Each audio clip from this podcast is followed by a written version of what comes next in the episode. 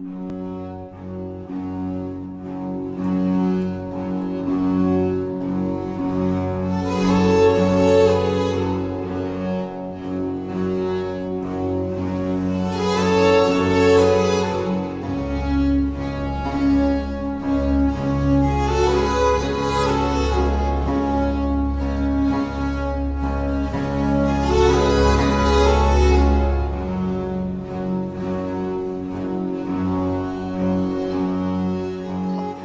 ik wil u vanavond even meenemen op een filosofische wandeling, zoals u ziet, van Aristoteles tot Sartre en van Freud tot Frankl. en om te beginnen wil ik u toch eventjes zeggen wat filosofie eigenlijk is, wat het eigenlijk betekent. Heel heel in het kort natuurlijk. En in een grote vogelvlucht zou ik zeggen, want ik ga terug tot de Big Bang. En u weet dat alles ontstaan is uit de kwantumsoep met de Big Bang. dat heeft nu verder geen, geen belang meer. Dit komt uit een andere presentatie natuurlijk. Maar dus de hele materiële wereld, die hier die groene ovaal is, is daaruit, is bij de Big Bang ontstaan. 4,5 miljard jaar geleden. Wat betekent de materiële wereld? Wel, dat is voor ons de wereld waarin wij waarnemingen doen. Ja, dat zijn dus atomen, moleculen, vormen, gebeurtenissen, geluiden, tekens. Alles wat we kunnen waarnemen en wat iedereen met ons kan waarnemen. Ja, waarover eigenlijk geen twijfel bestaat. Ook de biologische wereld is een wereld die wij kunnen waarnemen, zou ik zeggen. Dat is de materiële wereld. Ja, dat is eigenlijk alles, alles wat er is, alles wat we kunnen zien, wat we kunnen horen, wat we kunnen vastpakken. Alleen de mens doet daar iets bijzonders mee, met die materiële wereld. Ik heb dat ook al wel gesuggereerd, maar ik wil het hier nog even op een nog andere manier voorstellen. Namelijk, wij door onze taal en door ons denken transformeren wij in zekere zin die materiële wereld in wat ik zou noemen onze mentale ruimte. Dus wij nemen die als het ware naar binnen. We maken daar in zekere zin, we downloaden die in zekere zin. We nemen daar een foto van en we maken een afbeelding in ons bewustzijn. Ik, ik wijs naar mijn hoofd natuurlijk, maar eigenlijk zit ons bewustzijn niet in het hoofd. Het bewustzijn is, is overal eigenlijk. Hè. Het brein zit in het hoofd, maar het bewustzijn is overal. In die mentale ruimte, dat is ook een operationele ruimte, en dat zal ik u dadelijk verklaren wat ik daarmee bedoel, zit ons bewustzijn, wat we onze geest noemen, ja, geest spiritus in het Latijn, l'esprit in het Frans. Dat wil dus zeggen, dat is ook onze spirituele ruimte.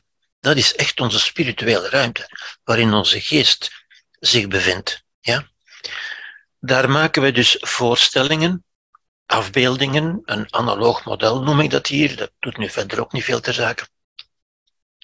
Daarin zitten ook onze ideeën, onze kennis, onze theorie, ook de ideeën van tijd en ruimte bijvoorbeeld. En u ziet, dat zijn allemaal abstracte ideeën. Dus die overgang van de materiële wereld naar de mentale wereld is een vorm van abstractie. We maken dat abstract. En dus iedereen denkt ook abstract. Je moet van dat woord geen, niet, niet bang zijn, want iedereen denkt, denken is altijd abstract. Ja? We geven daar ook subjectieve betekenissen aan. Ja? En nu is er iets in die mentale ruimte is er nog iets speciaals, zou je kunnen zeggen. Ja? Je zou kunnen zeggen, onze, onze werkruimte daarin, ja? waarin wij die voorstellingen, dat analoog model, die ideeën enzovoort, naar een nog hoger abstractieniveau transformeren.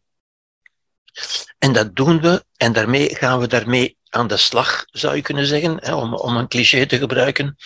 We doen daar iets mee, vandaar een operationele ruimte. We voeren daar bepaalde operaties uit aan de hand van bepaalde instrumenten, bepaalde mentale instrumenten, denkinstrumenten dus. En wat zijn die denkinstrumenten waarmee we die abstracte operaties uitvoeren? Wel, dat is bijvoorbeeld ons denken zelf, onze taal, maar ook het verstand, de theorie en ook de logica en de wiskunde.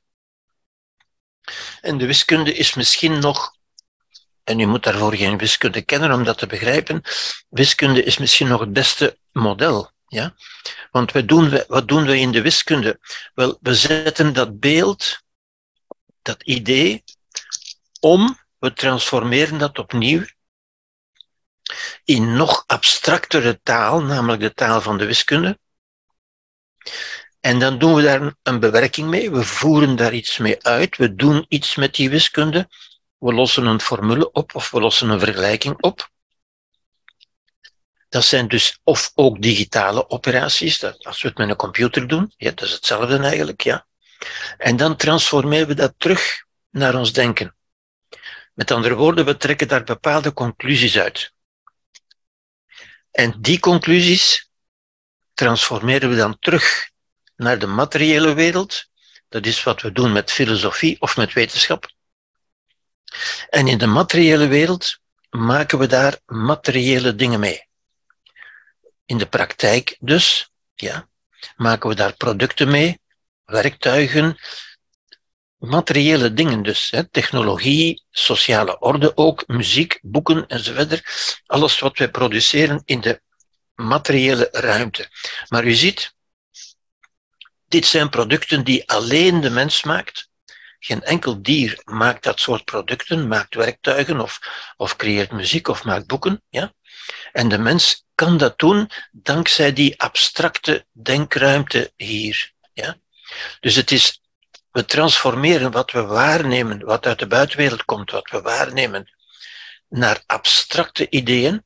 Dat is wat mensen theorie noemen. Maar een theorie is een, is een afbeelding, een voorstelling, een abstract idee dus. Ja? Dat kunnen we nog eens transformeren naar een wiskundemodel of naar een logisch model, waar we opnieuw een operatie uitvoeren. We transformeren dat terug naar ons denkmodel en op grond daarvan maken we een praktijk. Dus u ziet, praktijk en theorie is niet zo verschillend. U moet geen angst hebben van theorie, want er is niks zo praktisch als een goede theorie. Dat wil zeggen, een goede voorstelling in uw mentale ruimte. Ja? Het voorbeeld dat ik altijd geef is uh, Eiffel, die op het einde van de 19e eeuw de Eiffeltoren gebouwd heeft. Of, of, of Gaudi, die de Sagrada Familia gebouwd heeft, of zoiets. En dat hebben ze maar kunnen doen omdat ze die eerst hebben ingebeeld, voorgesteld in hun mentale ruimte, in hun abstracte ruimte. En dat, dat is wat filosofie eigenlijk doet in ons geval. Dat is ook wat wetenschap doet, maar goed, we zijn nu niet met wetenschap bezig. Dat is wat voor ons filosofie doet. En dat is ook het belang van filosofie. Ja? Filosofie geeft ons de denkinstrumenten om daar iets mee te doen. Ja?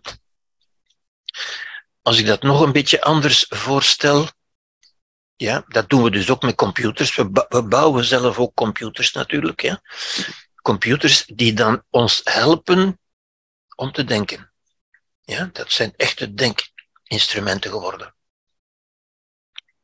Als ik dat nog op een andere manier voorstel, ja, hier staan een aantal um, wetenschapsmensen, daar ga ik nu verder niet op in, die dat illustreren, die eigenlijk allemaal dat hebben gedaan. En die altijd verfijndere denkmodellen hebben gemaakt. Ook, ook Darwin bijvoorbeeld, dat staat hier ook bij, heeft een denkmodel gemaakt, de evolutie. En dat is volkomen abstract. Ja?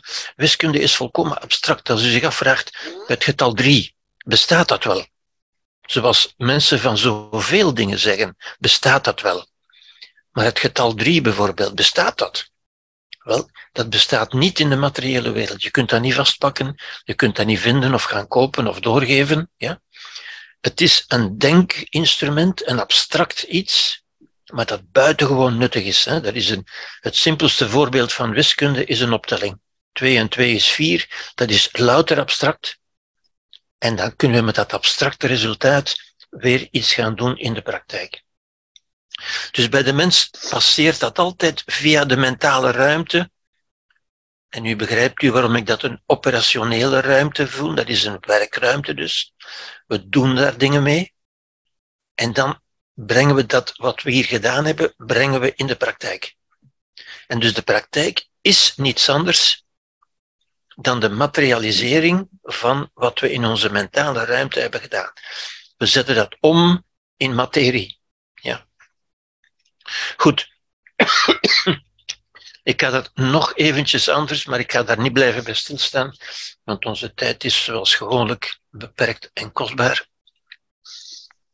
Dus we doen in de, in de materiële wereld, in de buitenwereld, dus doen we waarnemingen. Ja. Die transformeren we, dat is die abstracte transformatie, in, in de abstracte wereld van het bewustzijn. Een representatie, een afbeelding, een voorstelling. En die transformeren we terug in de werkelijkheid. In ons geval is dat in gedrag. Ja? We gedragen ons op een bepaalde manier omdat we een waarneming hebben gedaan, waar we iets hebben mee gedaan in ons bewustzijn, dat wil zeggen nadenken. We hebben erover nagedacht. Wat ga ik daar nu mee doen? En dat wordt ons gedrag. Ons gedrag komt altijd uit ons bewustzijn, uit ons nadenken, met andere woorden. Ja. Dat nadenken is dus dat zogezegde analoog model. Een analoog model is een, een voorstelling, een afbeelding dat is wat we denken noemen of filosofie. Filosofie is nadenken. Ja, meditatie is ook nadenken. Ja. En de verschillende vormen van denken, ik ga daar nu echt niet verder op ingaan. We kunnen op, op diverse manieren nadenken. En dat maakt ook het verschil tussen de mensen natuurlijk. Hè. We kunnen nadenken over de fysica, over de natuur, over de metafysica, over het bewustzijn, over de samenleving. Ja. En dan hebben we die verschillende disciplines die eigenlijk allemaal vormen zijn, psychologie, psychiatrie, wijsheid, eh, biologie, geneeskunde enzovoort, die eigenlijk allemaal vormen zijn van manieren van nadenken. Dus dat zijn de manieren van denken die wij leren. Ja? Als u naar een psycholoog of naar een bioloog gaat en u stelt die een vraag, dan gaat hij nadenken in zijn analoog model dat hij hier geleerd heeft aan de universiteit. En die geeft een antwoord. Maar zo is dat bij ons ook. Er zijn dus alleen mensen die meer of minder hun denkinstrument hebben verfijnd en, en uitgebreid met kennis die van voorgaande generaties komt natuurlijk. Hè. Bijvoorbeeld het wiel is al lang uitgevonden, dat moeten wij niet meer opnieuw uitvinden. En ziet u, het wiel is een abstract idee, maar dat we op elk moment in een concreet, praktisch instrument kunnen omzetten. Ja? En dat we dus op een abstracte wijze van onze voorgangers hebben gekregen. Bijvoorbeeld door een tekening in een boek of zoiets, of door op gelijk welke manier. Ja. Goed, hier ga ik nu niet verder op in, maar gewoon als inleiding waarom filosofie voor ons belangrijk is. Ja. En filosofie is ontstaan, en dit is een afbeelding van, van Raphaël, waarin de school van Athene, dat heet trouwens de school van Athene, dit, dit schilderij, waarin hij alle belangrijke filosofen en geleerden heeft samengebracht. Al die figuren die u hier ziet, stellen iemand voor, iemand die echt bestaan heeft. Hè. Ik ga daar nu niet op in, maar dat zijn dus de geleerden, de filosofen, de wetenschapsmensen ook die in die tijd bekend waren. Thales van Miletus staat er ook ergens bij, en Pythagoras staat er ergens bij, enzovoort.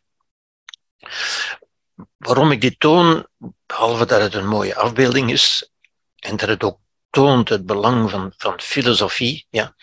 maar vooral wil ik uw aandacht vestigen op die twee centrale figuren hier. Dat is respectievelijk Plato en Aristoteles. En dat is dus ook het begin, zeg maar, van onze filosofie. Ja. En het opvallende verschil, en, en u, u weet natuurlijk, die, die schilders hadden in alles een symboliek. Ja. U ziet ook dat uh, Plato naar boven wijst. Ja. Hij wijst naar de hemel. die voor Plato het rijk van de ideeën was. Ja. Terwijl Aristoteles wijst naar beneden. Ja. Dat wil zeggen, Aristoteles wijst naar de aarde en Aristoteles is dan ook het begin van een bepaald denken, waardoor hij eigenlijk aangeeft, alles, alles wat wij weten komt uit de waarneming van de reële, de materialiteit. Dit is de materiële wereld. Terwijl Plato eigenlijk zegt, al ons weten komt uit, uit de hogere sferen, uit onze denkwereld. En die twee richtingen hebben in de hele geschiedenis van de filosofie eigenlijk blijven bestaan. Ja? Mensen die denken, ik zal daar later even op terugkomen, er zijn mensen die denken, nog altijd trouwens, ja, dat al ons weten uit ons verstand komt, uit onze reden, uit ons denkvermogen. En anderen die denken dat alles wat wij weten eigenlijk uit de waarneming komt. Ja? En die twee zijn lang in conflict geweest tot Kant daarin een, een antwoord heeft gegeven en daar kom ik later op terug. Ik begin dus in het kader van onze. Waarom is dat voor ons belangrijk? Want wij hebben het toch over de strategie van het geluk. En ik wil het ook eigenlijk alleen maar doen in zover die mensen belang hebben voor ons denken over geluk, natuurlijk. En de eerste daarvan, heel belangrijk, vierde eeuw voor Christus, Aristoteles. Die u net hebt gezien, u ziet hem hier nog eens terug. Ja, de twee figuren, Aristoteles, die leerling was van Plato trouwens. Ja. Aristoteles was een homo universalis. Hij heeft een ongelooflijk figuur eigenlijk. Hij, hij verpersoonlijkte in feite de hele kennis die in zijn tijd bekend was. Dat is nu niet meer mogelijk natuurlijk, maar Aristoteles kon dat nog wel. Hij heeft over alles geschreven, over fysica, over muziek, over politiek, over ethiek, over, over alle mogelijke onderwerpen, over biologie ook. Ja heeft hij geschreven op een bijzonder scherpzinnige en indringende manier. Natuurlijk niet altijd juist volgens onze huidige wetenschappelijke maatstaven, ja, maar zeer vooruitstrevend in zijn tijd. Gebaseerd, hè, u ziet zijn hand naar beneden, hij wijst, hij schrijft alleen over wat hij waarneemt. Ja? Hoofdzakelijk althans. Um, omschrijving van het leven. Wat is leven? Ook daar heeft Aristoteles zich mee bezig gehouden. En dat is een belangrijke definitie die eigenlijk nog altijd geldig is, die, die ook ik nog altijd gebruik. Ja? En hij zei, leven is wat een anima heeft. Anima is een ziel. Ja? Wat bezield is, met andere woorden. Ja? Of met andere woorden, de anima, de ziel, dat is dat wat streeft, wat iets wil, wat ergens op gericht is, wat een doel heeft. Dat is de definitie van, uh, van Aristoteles van leven. Ja? Alles wat iets wil, wat een wil heeft. En dat is onmiddellijk tegenover, dat begrijpt u zo natuurlijk, hè, tegenover objecten. Hè. Dit, dit object, eh, die, die pen hier, die wil absoluut niks. Die heeft geen wil. En dus die ondergaat passief, zonder iets te willen, de wetmatigheden van de natuur, de krachten van de natuur die erop inwerken. Niet zo bij een mens. Ja? Wij zijn dat helaas ook gaan geloven dat een mens een product is van wat er op inwerkt. Maar u ziet, Aristoteles heeft al begrepen, nee, het leven wil iets. Ook een dier, ook een kat, ook een duif wil iets. Daar zit een wil in, een levenswil. Ja? Uh, die, die we, dit, dit krachtige idee, dit, dit fantastische idee eigenlijk, ja, is een beetje op de achtergrond geraakt. Ik zal daar straks ook op terugkomen, omdat dat een beetje opzij geschoven is door de wetenschap. En dat toont eigenlijk meteen aan dat er een conflict is met de wetenschap hier. En dat was er al ten tijde van, van Aristoteles. Ja? We kunnen het menselijk gedrag, wat de mens doet, dan ook beter begrijpen vanuit een doel. Een doel dat onbewust kan zijn. Maar het is wel een doel. Ja? Ik zal daar achteraf ook nog op terugkomen. En ik zet hier bewust natuurlijk doel En doel staat tegenover, tegenover oorzaak. Dingen, als dat, als dat dingetje hier, als daar iets mee gebeurt, dan heeft dat een oorzaak. De oorzaak kan zijn dat ik het loslaat. En dan wordt dat veroorzaakt door de zwaartekracht. Dat volgt de zwaartekracht. Een mens niet, een dier ook niet. Een dier heeft een doel. Het leven heeft een doel. Ja? Iets wat ongewoon klinkt omdat we het door de wetenschap anders zijn gaan zien, maar dat is ook juist het conflict en het probleem met de wetenschap, zou ik zeggen. Ja? Ehm, de vaststelling ook van Aristoteles dat de natuur mooi in elkaar zit. Ja? De kosmos bijvoorbeeld, eh, die sterrenbewegingen, ook daar heeft hij zich mee bezig gehouden natuurlijk. Dat, dat zit logisch en mooi in elkaar. Dat zit redelijk in elkaar. Zo redelijk dat de mens het met zijn reden kan begrijpen. En dat is op zich een klein wonder. En dat is wat zij toen ook al de logos noemden. Ook een woord dat later nog zal, zal terugkomen. De logos is eigenlijk de redelijkheid. Het feit dat, dat alles wat er is, en dat is natuurlijk het begin van het volwassen denken ook. Ja? U weet, ik heb dat een paar lezingen terug ook gezegd. In het begin dachten de mensen gewoon, alles komt omdat God doet wat hij doet. Hier begon men te denken met Plato, met Aristoteles ook. Nee, het, het komt uit zichzelf. We kunnen de natuur begrijpen uit de natuur. Er is geen God voor nodig. Ja? En het zit, het zit mooi in elkaar. Het is ook redelijk te begrijpen. We moeten het niet geen God aanbidden. We kunnen het met onze redelijkheid, ons verstand begrijpen. Ja? Dat is een van de grote doorbraken, zou ik bijna zeggen, uit het mythische denken, uit het mythologische denken, ja, naar een volwassen denken. Dat is echt het volwassen denken. Filosofie is eigenlijk volwassen denken. De mens die vanuit zijn eigen, met zijn eigen mogelijkheden, doorheeft dat de natuur, het gebeuren in de kosmos te begrijpen is. Dat dat dus met andere woorden redelijk is. Dat is niet wanordelijk, dat is niet toevallig, dat is redelijk te begrijpen. Ja. Ook de mens zelf natuurlijk. Ja.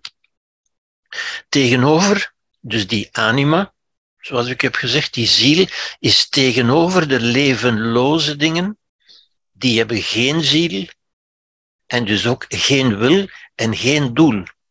Een levenloos ding wil niets. Een mens wel, een dier ook, een plant ook zelfs.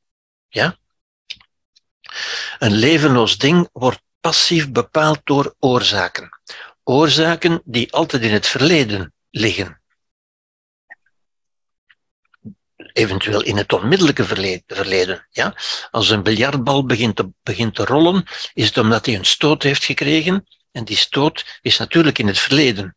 Dat, dat, is maar een verleden van, van één seconde of een fractie van een seconde. Maar die stoot heeft de bal doen rollen. Die is niet uit zichzelf beginnen rollen. Dat is causaliteit. Dat is waar de wetenschap over gaat. Maar een mens kan uit zichzelf beginnen rollen. Omdat een mens zich een doel stelt. En een doel is altijd in de toekomst. En bij gevolg, de conclusie hieruit al, die we zullen hernemen later, is dat we de mens beter kunnen begrijpen vanuit zijn doelstellingen. De mens is toekomstgericht op overleven. Ja? niet op het verleden. En u ziet al hoe, hoe, hoe dat al begint in te gaan tegen ons, tegen wat we tegenwoordig vaak denken, tegen wat ons gezegd wordt. Ja. Het is, dat, is nu een beetje een duurder woord, men noemt dat teleologisch, dat wil zeggen gericht op een doel. Het is teleologie versus causaliteit. Ja? Het ene is doelgericht, het andere is oorzaakgericht. Causaliteit komt uit het verleden, teleologie wijst naar de toekomst. En u ziet ja, die, die belangrijke concepten die hier eigenlijk al bijkomen. Ik leg er natuurlijk wel de nadruk op, hè, maar dat is wat Aristoteles eigenlijk al begrepen had. Ja. Dat verklaart dus, wat ik al verschillende keren gezegd heb natuurlijk, het falen van de causale wetenschap voor de mens. een causale wetenschap die we bijvoorbeeld terugvinden in, in de moderne eh, geneeskunde, waar die goed van pas komt, maar waar die ook tekortschiet als het over het gedrag van de mens gaat. Dat zien we in de psychiatrie bijvoorbeeld. Ja? Die kost wat kost wetenschappelijk wil zijn, maar er niet in slaagt van menselijk gedrag zelfs maar te begrijpen, laat staan te voorspellen of te behandelen. Ja? We zien dat men daar keer op keer faalt uiteindelijk. Ja? En dat zit in dit hierin. Ja, hier ligt de bron daarvan. Goed, dus naast de omschrijving van het leven heeft hij ook een omschrijving van geluk gegeven, Aristoteles. Ja, dat waar wij hier nu mee bezig zijn. Daar was Aristoteles ook al mee bezig. Ja. En hij zei, geluk is formeel, hij had daar twee ideeën over. Formeel, ja, geluk is het uiteindelijke doel van alle streven. Je ziet weer een doelstelling. Geluk is een doelstelling. Je kunt geluk niet in het verleden vinden. Alleen dat verwijst naar de toekomst. En u gaat dingen doen om dat geluk in de toekomst te verwerven. Dus u doet dingen voor de toekomst. Ziet u? Het uiteindelijke doel van alles streven, van alles wat wij willen. Waarom willen we dat? Wel, uiteindelijk omdat we altijd denken, verwachten, dat we ons daar beter, dat we ons daar gelukkiger zullen mee voelen. Ja? Van alles wat wij doen, van, van alles, letterlijk alles. Als u kinderen hebt, of een partner hebt, of, of werkt, of een huis wil bouwen, of een auto wil kopen, het is altijd, als u blijft doorvragen, waarom doe ik dat? Waarom doen mensen dat? Wel, omdat ze verwachten dat ze daarmee gelukkiger gaan zijn. Waarom gaan ze op vakantie? Omdat ze verwachten, enzovoort. U kunt dat zelf eindeloos aanvullen natuurlijk. Bij alles wat u doet. En het is opnieuw belangrijk, u doet dat niet vanuit een oorzaak, u doet dat wel vanuit een doel. Er is geen oorzaak dat u op vakantie gaat. U gaat wel op vakantie omdat u iets wil, hoopt te bereiken. Omdat u een bepaald, bepaald gelukstoestand hoopt te bereiken, natuurlijk. Er is geen oorzaak. Ja. Het doel van alles wat wij doen is uiteindelijk geluk. Ook van het lijden. Ja.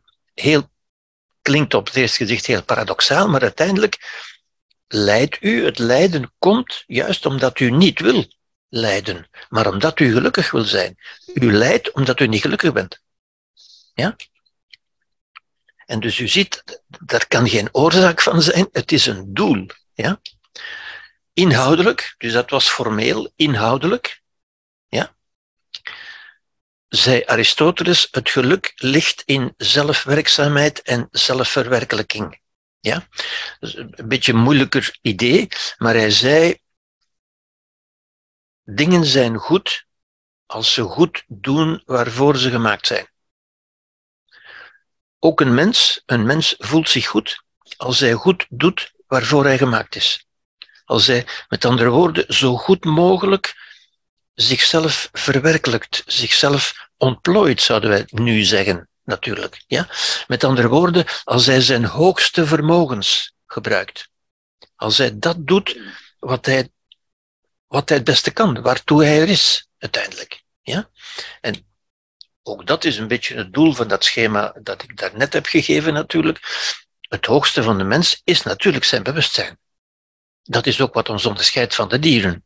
Ja? Voor de rest zijn wij helemaal volstrekt lijkt dieren. Het enige wat ons onderscheidt is juist dat zelfbewustzijn. En dat is ook het, het, het morele plezier van, van zo goed mogelijk mens te zijn. Ja. Men voelt zich goed als men het goede doet. Ja? Als men zijn hoogste vermogens gebruikt. Veel mensen doen dat natuurlijk niet. Dat, dat kunnen we ook zien. U kunt dat zo waarnemen. En veel mensen zijn dan ook niet echt gelukkig. Ja. Hebben wel veel plezier, kunnen plezier maken en plezier kopen tegenwoordig, ja. Maar zijn niet echt gelukkig. Ja. Goed, daar heb ik het al vroeger al over gehad natuurlijk. De deugdethiek, dat is dus, dat is het woord van Aristoteles. Hè. Een mens voelt zich goed als hij kennis neemt van het goede en het goede beoefent. Je voelt je goed door het goede te doen. Dat is de ethiek van, uh, van Aristoteles. Ja? Hij noemt dat, ik, ik vermeld dat woord maar even, dat is weer een duurder woord natuurlijk, eudaimonisch geluk versus hedonistisch geluk. Het hedonistisch geluk is het plezier. Het plezier maken. Ja? Dat is niet fout, hè? begrijp mij goed, dat is niet moreel verwerpelijk. Alleen leidt dat niet tot een duurzaam geluk. Ja? Vakantie gaan, dat is fantastisch. Een nieuwe auto kopen, dat is ook fantastisch. Maar u wordt daar niet blijvend gelukkig door. Ja? Wel, u wordt wel gelukkig, volgens Aristoteles, en ik volg hem daarin nogal, als je de deugden beoefent. De deugden, dat zijn de waarden waar, ik, waar we het vorige keer over gehad hebben. Ja? Waarden kunt u deugden noemen uiteindelijk. En als u het goede, als u erover nadenkt, als u kennis neemt van wat het goede is, ja? en als u het goede beoefent. Ja?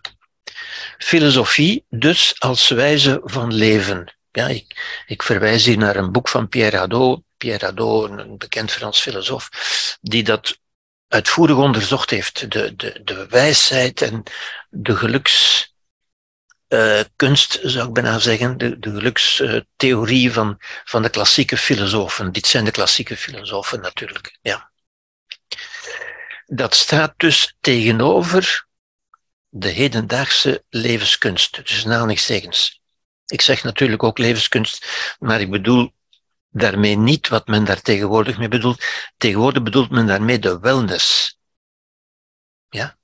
Het voor zichzelf zorgen. Het in een sauna gaan zitten, of, in, of een massage, of een, of een bad van, van, van modder of, of van mosterd of van uh, weet ik wat.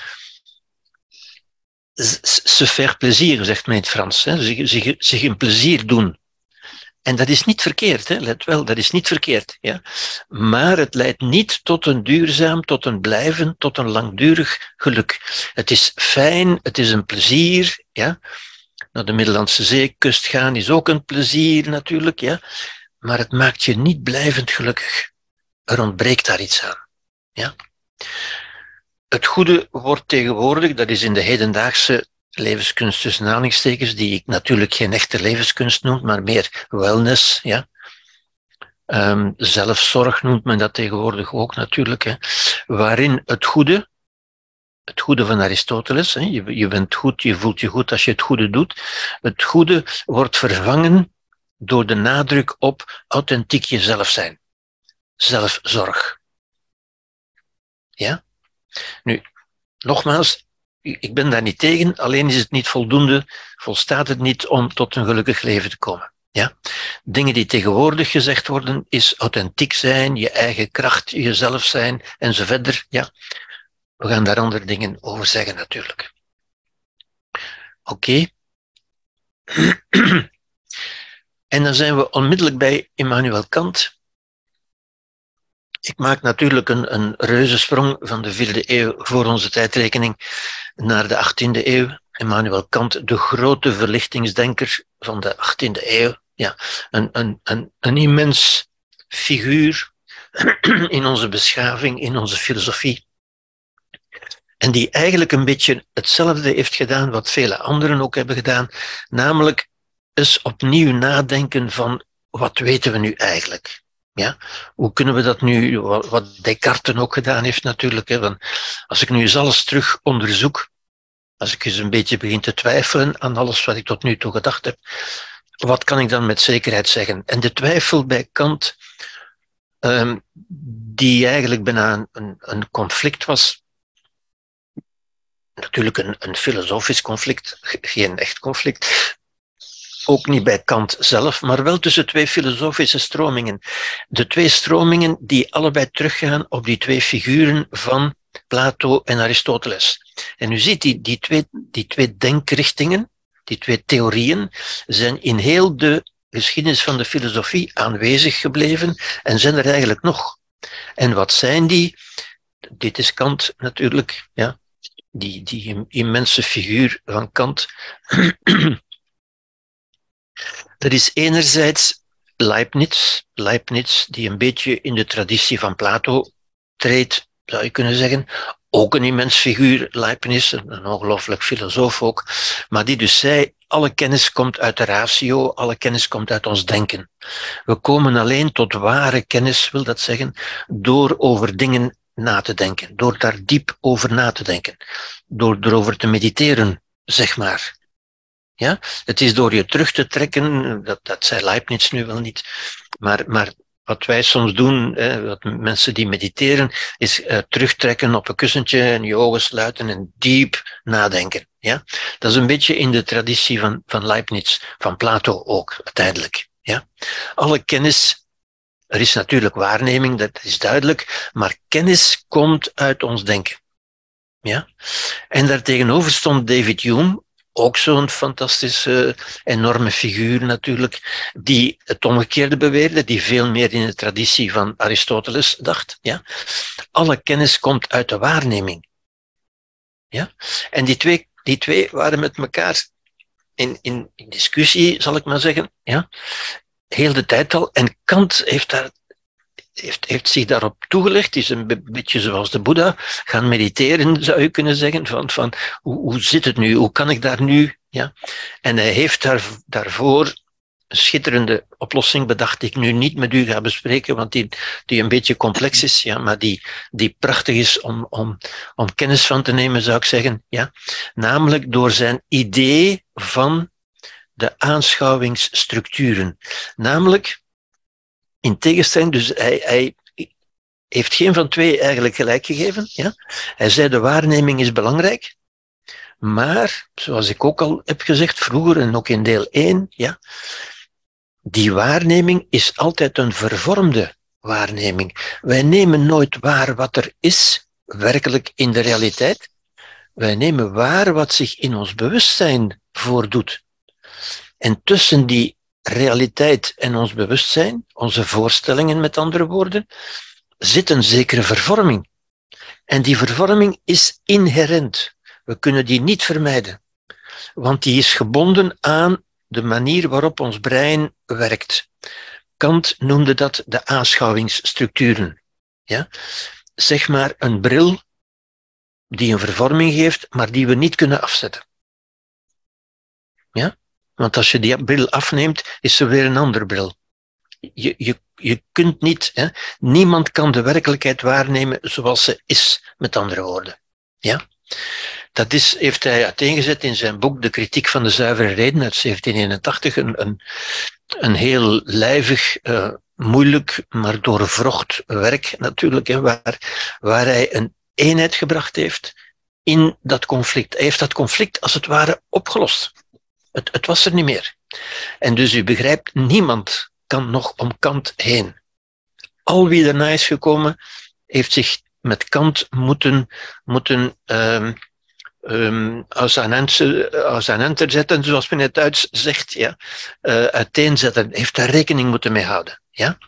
Hij heeft dan nog de, de, praktische reden en het oordeelsvermogen. Ik ga daar nu verder niet op in, maar ik, ik denk dat ik u, ik hoop dat u een beetje ziet wat, wat voor enorm, een enorme intellectuele prestatie, filosofische prestatie, dus in zijn bewustzijn, die transformatie, die operaties in zijn bewustzijn, een beetje zoals Einstein uiteindelijk, hè, zeer vergelijkbaar. Ook Einstein heeft dingen opgelost die, die, hij, die voor hem niet opgelost konden worden. Ja. Met het, uiteindelijk het idee, en dat idee is eigenlijk heel simpel. Ja, maar het, het is natuurlijk simpel voor ons, omdat we het van Kant gekregen hebben. Het was niet simpel voor Kant om het te bedenken tegenover kolossale figuren als Leibniz en, en Hume bijvoorbeeld. Ja. Wij weten nu, wij zeggen nu, hè, wij zien de werkelijkheid nooit zoals ze is. Ja? Maar iets waar mensen het nog altijd moeilijk mee hebben. Want intuïtief, en dat is altijd het probleem, niet omdat het zo moeilijk zou zijn, maar omdat het ingaat tegen onze intuïtie. En we moeten heel wat denkwerk doen om die intuïtie te omzeilen, zou ik bijna zeggen. We krijgen die niet weg, maar wel omzeilen. En ik heb dat ook verschillende keren gedaan. Ja? Ik, heb, ik heb al verschillende keren schema's gegeven, kaarten van het leven, waarop staat het verschil tussen de buitenwereld en de binnenwereld. Ja? Onze bewustzijnswereld. De objectieve buitenwereld en de subjectieve binnenwereld. Ja? Wij zien de werkelijkheid nooit zoals ze is. We zien alleen de werkelijkheid zoals ze zich voordoet, zoals ze verschijnt in ons bewustzijn. In die virtuele ruimte van ons bewustzijn. Ja? Dat zijn dus verschijnselen, fenomenen noemt men dat. Vandaar de fenomenologie, die daarmee, zich daarmee bezighoudt ook. Ja. Dus wij zien niet de werkelijkheid, dat ding, de, de beroemde uitspraak van, van Kant, dat ding aan zich is een onbekanntes. Het ding op zich, de werkelijkheid op zich, is onbekend. Ja? Wat natuurlijk minder zou ik zeggen, minder filosofisch ingestelde mensen zeggen dan onmiddellijk van ja, maar ik zie toch wel wat er is en ik, en ik voel toch wel en ik hoor toch wel. Ja, dat, dat zijn de waarnemingen die wij doen en Kant zal dat niet ontkennen, natuurlijk. Ja. Maar dat is niet wat bij ons binnenkomt. Ja. Het verschijnsel komt bij ons. We hebben daar een afbeelding van. Ja. En wij beseffen niet dat we eigenlijk in onze virtuele ruimte aan het kijken zijn. Ja. We denken dat we in de realiteit kijken, maar we kijken in onze virtuele ruimte. Een idee dat moeilijk blijft. Niet omdat het echt moeilijk is, maar omdat het zo moeilijk om te geloven is, omdat het ingaat tegen wat we spontaan geloven. Ja?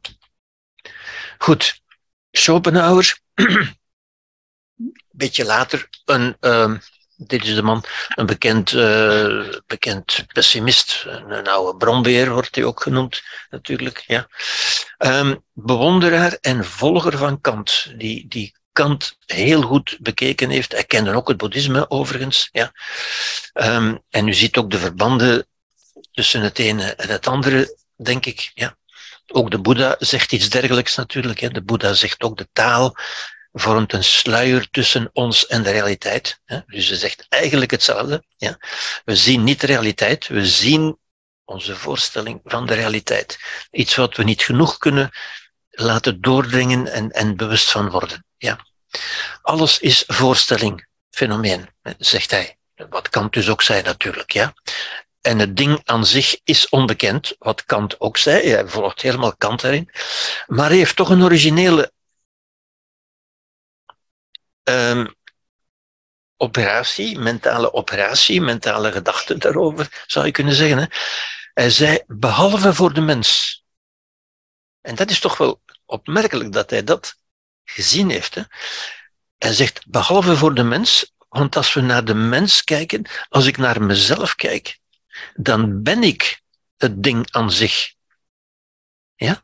Dus van mezelf kan ik het eigenlijk wel kennen. Van de dingen niet. Van andere mensen ook niet. Maar van mezelf eigenlijk wel. Ja? En als ik naar mezelf kijk, en dus hij nodigt ons uit, ook uit om dat te doen, als u naar uzelf kijkt, dan vindt u in uzelf de levenswil. En hij zegt, het ding aan zich is de levenswil.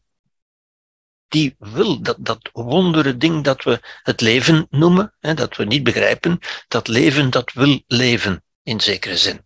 Ja?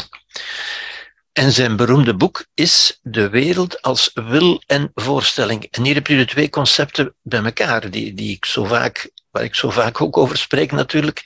De wil, ja, de wil, het leven is dat wat wil, de anima van, van uh, Aristoteles. En de voorstelling, het fenomeen van Kant, zou je kunnen zeggen. Ja?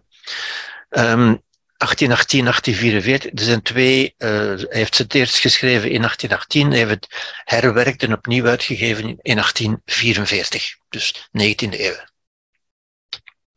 Grote invloed gehad op Freud. Ja, u ziet ook wel die, die, dat onbewuste.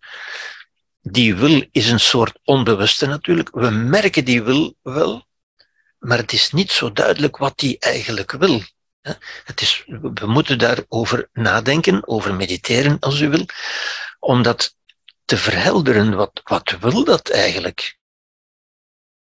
Ja, iets waar Maslow, waar ik straks op kom, uh, ook gedaan heeft natuurlijk. Grote invloed op Freud. Freud die zorgvuldig vermeden heeft van dat te zeggen natuurlijk. Ja. Um, zijn idee was om zo weinig mogelijk te lijden moet je zo weinig mogelijk willen en zoveel mogelijk weten. Ja? Want, ik heb het ook, we hebben het ook gezien vorige keer of voor twee keer, ik weet niet meer, dat eigenlijk ons lijden ook voortkomt doordat we altijd iets willen. Ja? We willen iets dat er niet is, of we willen iets niet dat er wel is. Het is die wil. Ja?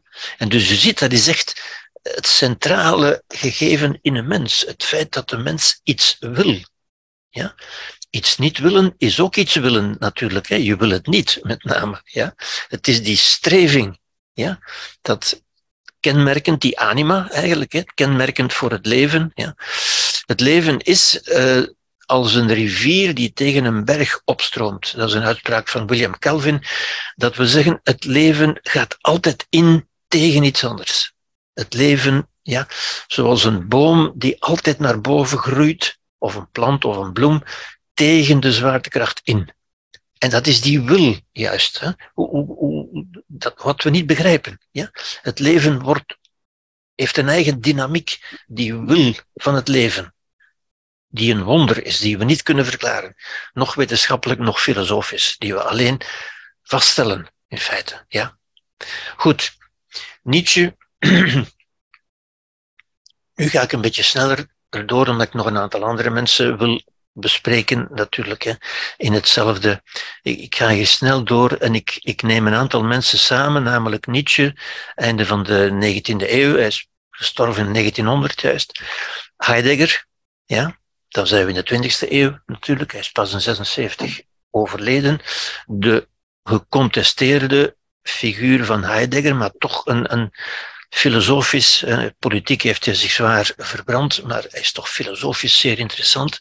En Sartre, waar mensen die mij kennen weten dat ik er vaak naar verwijs natuurlijk. Hè. Ik neem die drie figuren samen ja? Omdat ze ook met elkaar te maken hebben. Sartre was onder meer een leerling van Heidegger, of is althans Heidegger gaan bestuderen tijdens de oorlog. Ja, heeft daar ook een boek over geschreven.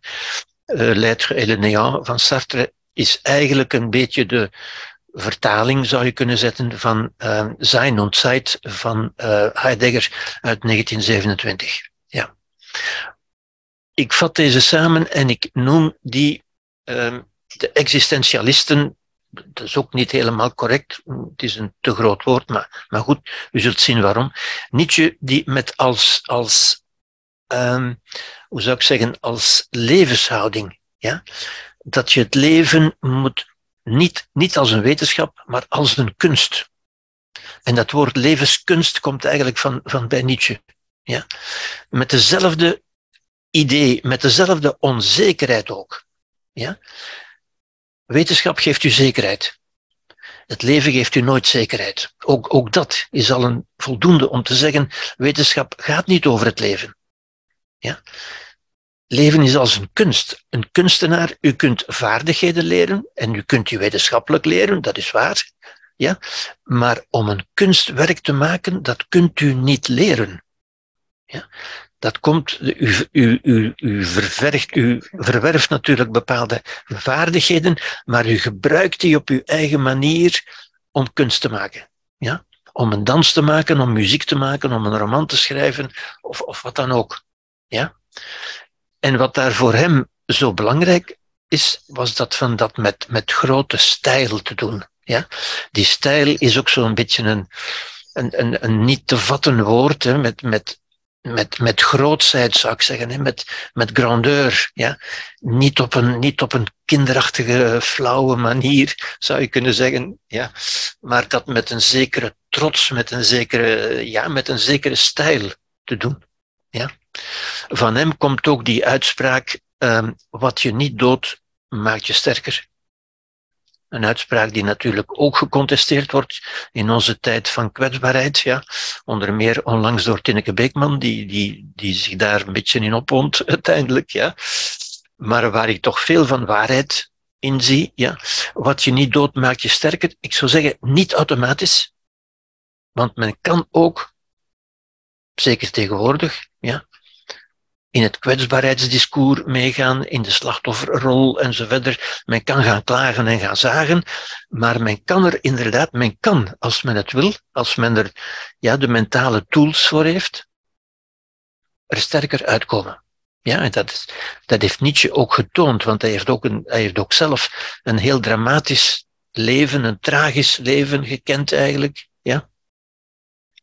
En toch is hij de grote filosoof van de levenskunst eigenlijk. Ja. Uh, de amor fati, dat is een woord van hem, dat is het grote ja zeggen tegen het leven. Nietzsche is de man, de filosoof, die ja zegt tegen het leven. De bejahung van het leven, zoals hij dat noemt. Ja. Amor fati wil zeggen je lot, het liefhebben van je lot.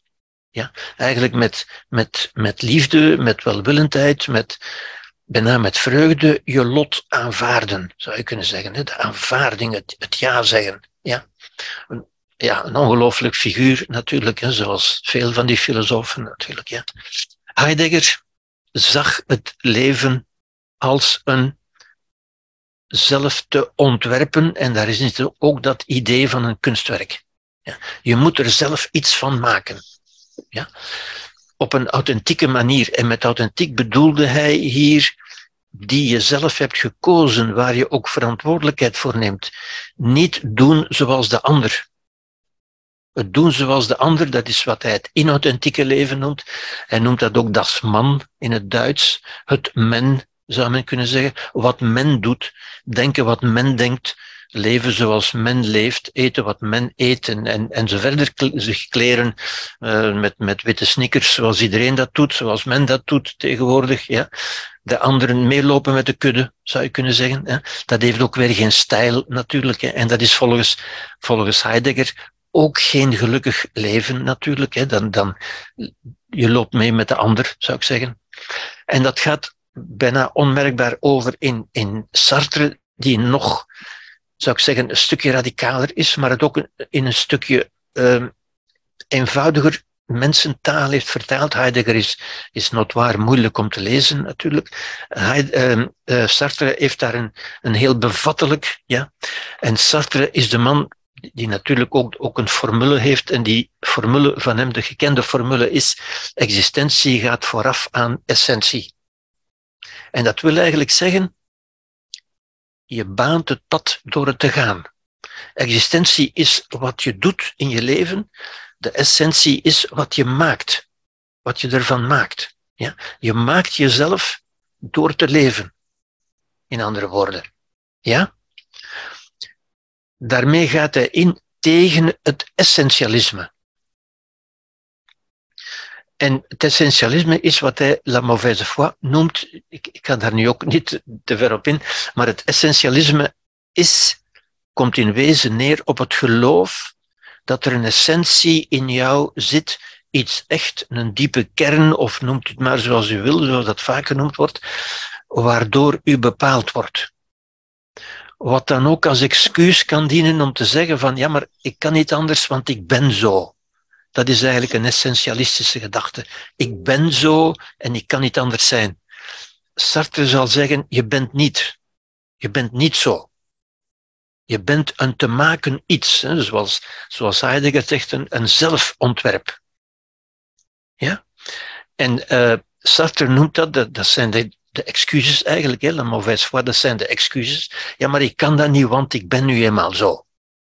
Dat zou Sartre dus totaal verwerpen. Ja? Je bent niet zo. Je gelooft alleen dat je zo bent.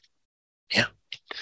Dat, essentialisme, uh, dat, daardoor kant hij zich ook op een originele manier, vind ik, bijvoorbeeld tegen racisme.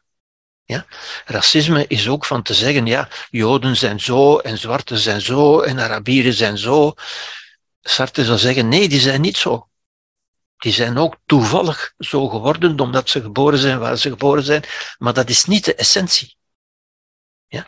En dus, je, je hoort het al aankomen natuurlijk, hè?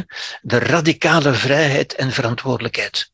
Je kunt op elk moment dat is, dan moet je weer de bewustwording, ja, moet je weer je bewuste instrumenten gebruiken, je filosofische denkvermogen, je redelijkheid, ja, van ik kan eigenlijk ook anders zijn.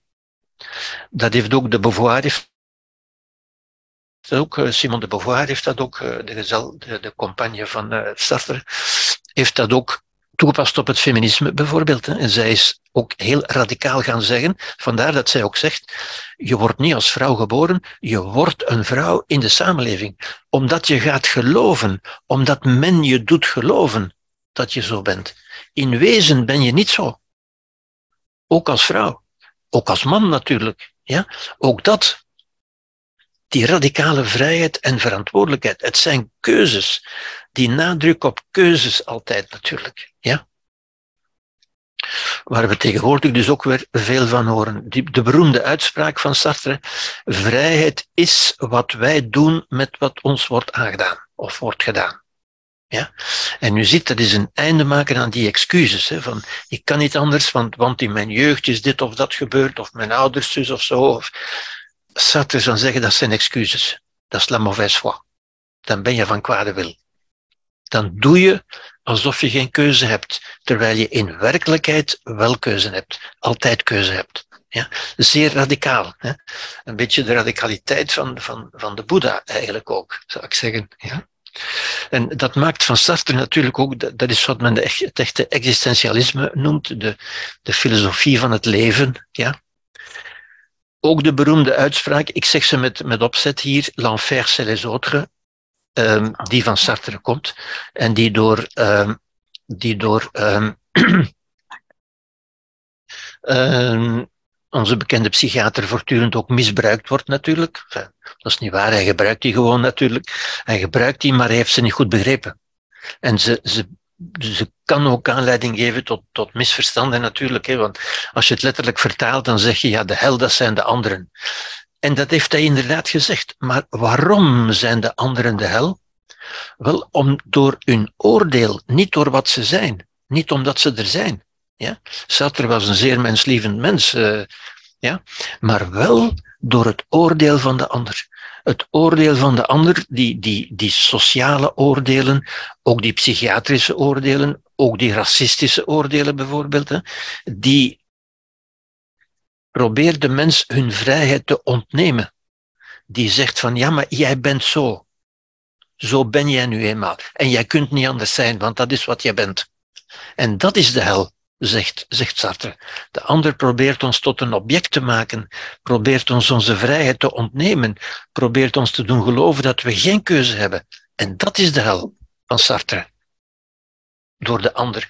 En, en hij noemt dat door die, de ander door zijn blik verstenigt ons als het ware. Ja, alsof we een marmeren beeld zijn, alsof we niet meer kunnen, kunnen bewegen. Het is het oordeel van de ander over ons dat ons onze menselijkheid ontneemt omdat hij doet alsof wij helemaal, ja, zoals wij voortdurend doen, ja, als wij iemand, iemand die, die te snel rijdt, eh, noemen we een snelheidsduivel. Alsof dat iemand is. Hè. En een, uh, een, iemand die iemand gedood heeft, uh, noemen wij een moordenaar. Alsof dat iemand is die al moordend door het leven gaat. Nee, nee, zal Sartre zeggen, dat is op de eerste plaats een mens. Maar die een onwenselijke daad heeft gesteld. Ja? Maar dat is niet wat hij is. Dat is niet de essentie van die persoon. Ja? Hij noemt dat dus ook een existentiële analyse en hij keert zich daarmee een beetje tegen de psychoanalyse, die ook toch vaak probeert te zeggen van ja, maar dat is hoe jij bent en zo. Ja. Telkens men zegt dat is hoe jij bent, je bent zo, zal Sartre zeggen nee, je bent niet zo. Ja. Dat is wat je gelooft dat je bent. Dat is wat je tot nu toe misschien geweest bent. Maar je hebt die vrijheid, ja? je kunt die vrijheid niet ontlopen, zal Sartre zeggen. Je, bent zelfs, je hebt zelfs de vrijheid om te zeggen dat je niet vrij bent. Ook dan toon je eigenlijk aan dat je vrij bent, want je kunt zeggen dat je niet vrij bent. Ja?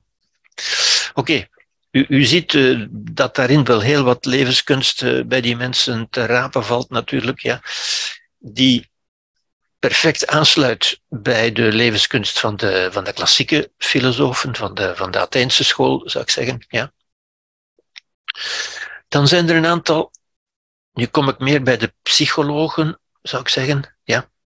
Um, psychologen, maar die toch heel sterk aanleunen bij de filosofen, die toch heel filosofisch, en u weet natuurlijk, de psychologie is ontstaan uit de filosofie, natuurlijk, ja, en heeft zich daar toch vrij laat van, uh, van afgescheiden en is dan een zelfstandig discipline geworden, maar is, is, staat eigenlijk heel dicht bij de psychologie natuurlijk. Alfred Adler was um, heeft geleefd tot 37, tot, tot in onze eeuw dus, ja. Um, en is, is niet zo gekend, ten onrechte vind ik, ja, maar goed. Hij was een leerling van Freud, Oostenrijks psychiater, leerling van Freud. Achteraf natuurlijk dissident van Freud, is met Freud in conflict gekomen, zoals de meeste van zijn, leraar, eh, van zijn leerlingen van Freud.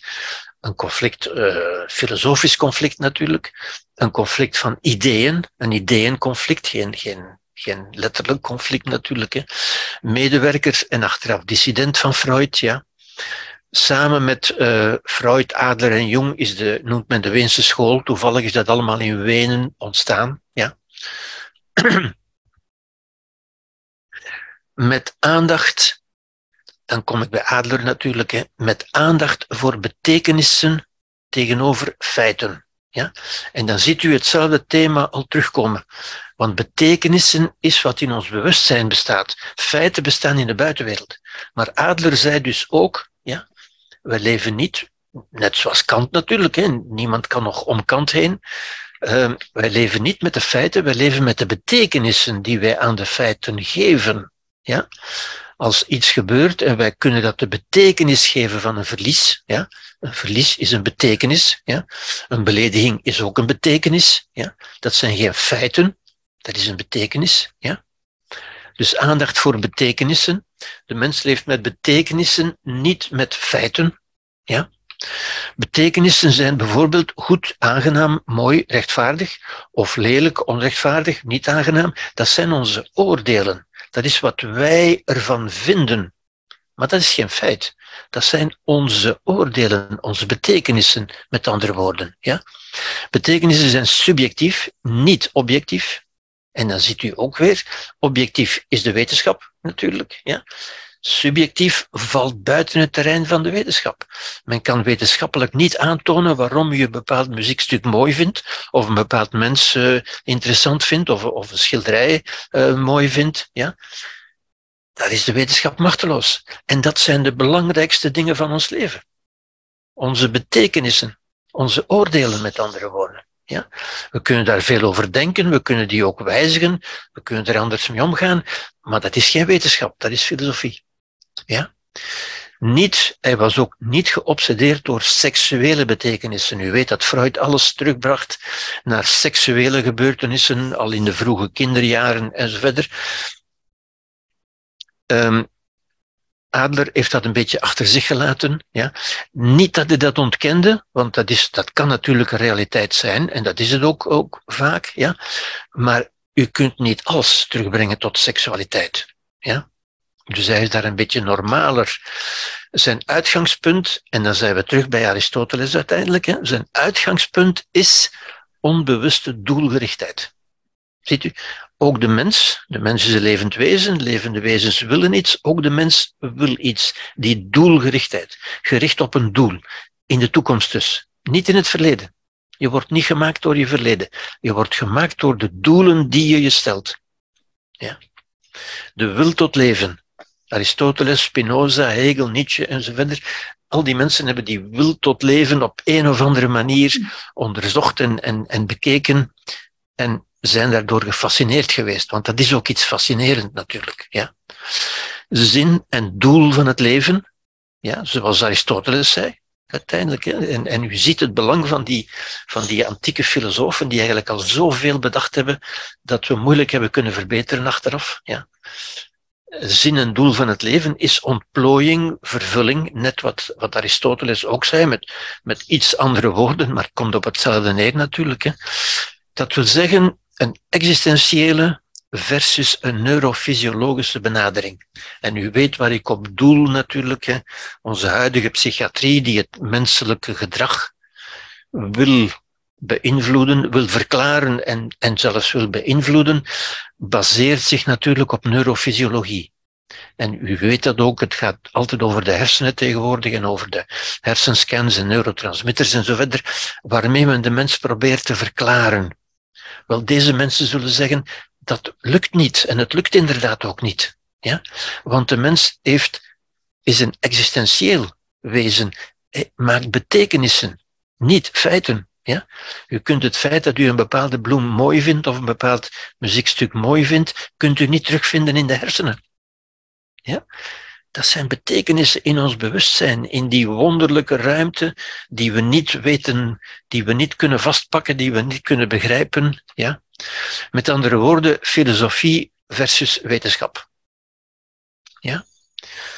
En ik verwijs hier naar het fameuze boek uh, Plato, Plato, Not Prozac, ja? het boek van uh, een filosoof van enkele jaren terug, ja, die dat zo heeft gezet. Ja. Uh, ik ben zijn naam nu even vergeten. Ja. Oké. Uh, de filosoof waar ik het, de, psych, de, psychiater waar ik het over had, was natuurlijk de wachter, die voortdurend uh, Sartre verkeerd gebruikt, ja, misbruikt zou ik moeten zeggen. Ja. Goed, dus het inzicht is die onbewuste doelgerichtheid. De mens wil iets, de wil tot leven. Ja? Dat hebben we al gezien. We kunnen dat zien als het psychisch equivalent van de biologische evolutie. Ja? Dat lijkt sterk op Darwin. Ook Darwin heeft eigenlijk aangetoond, de evolutie gaat in een bepaalde richting. Het is alsof ze een doel had. Ja?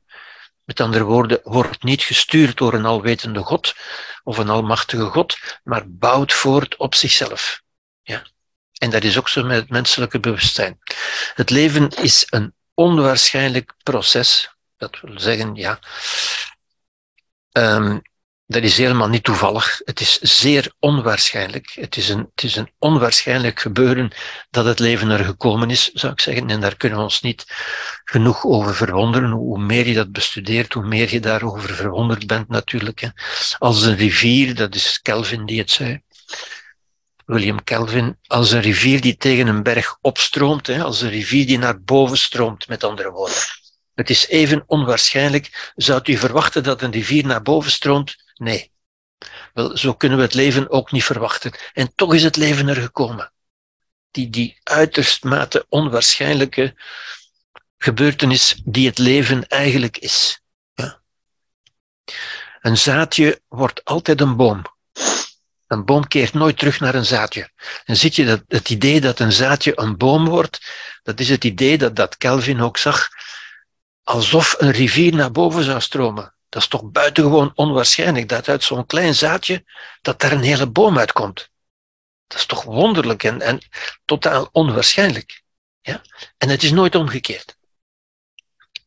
Een boom groeit altijd naar boven. Ja? Dingen die we, waar we niet bij stilstaan, die we, die we doodnormaal vinden, maar die eigenlijk heel verwonderlijk zijn, tegen de zwaartekracht in.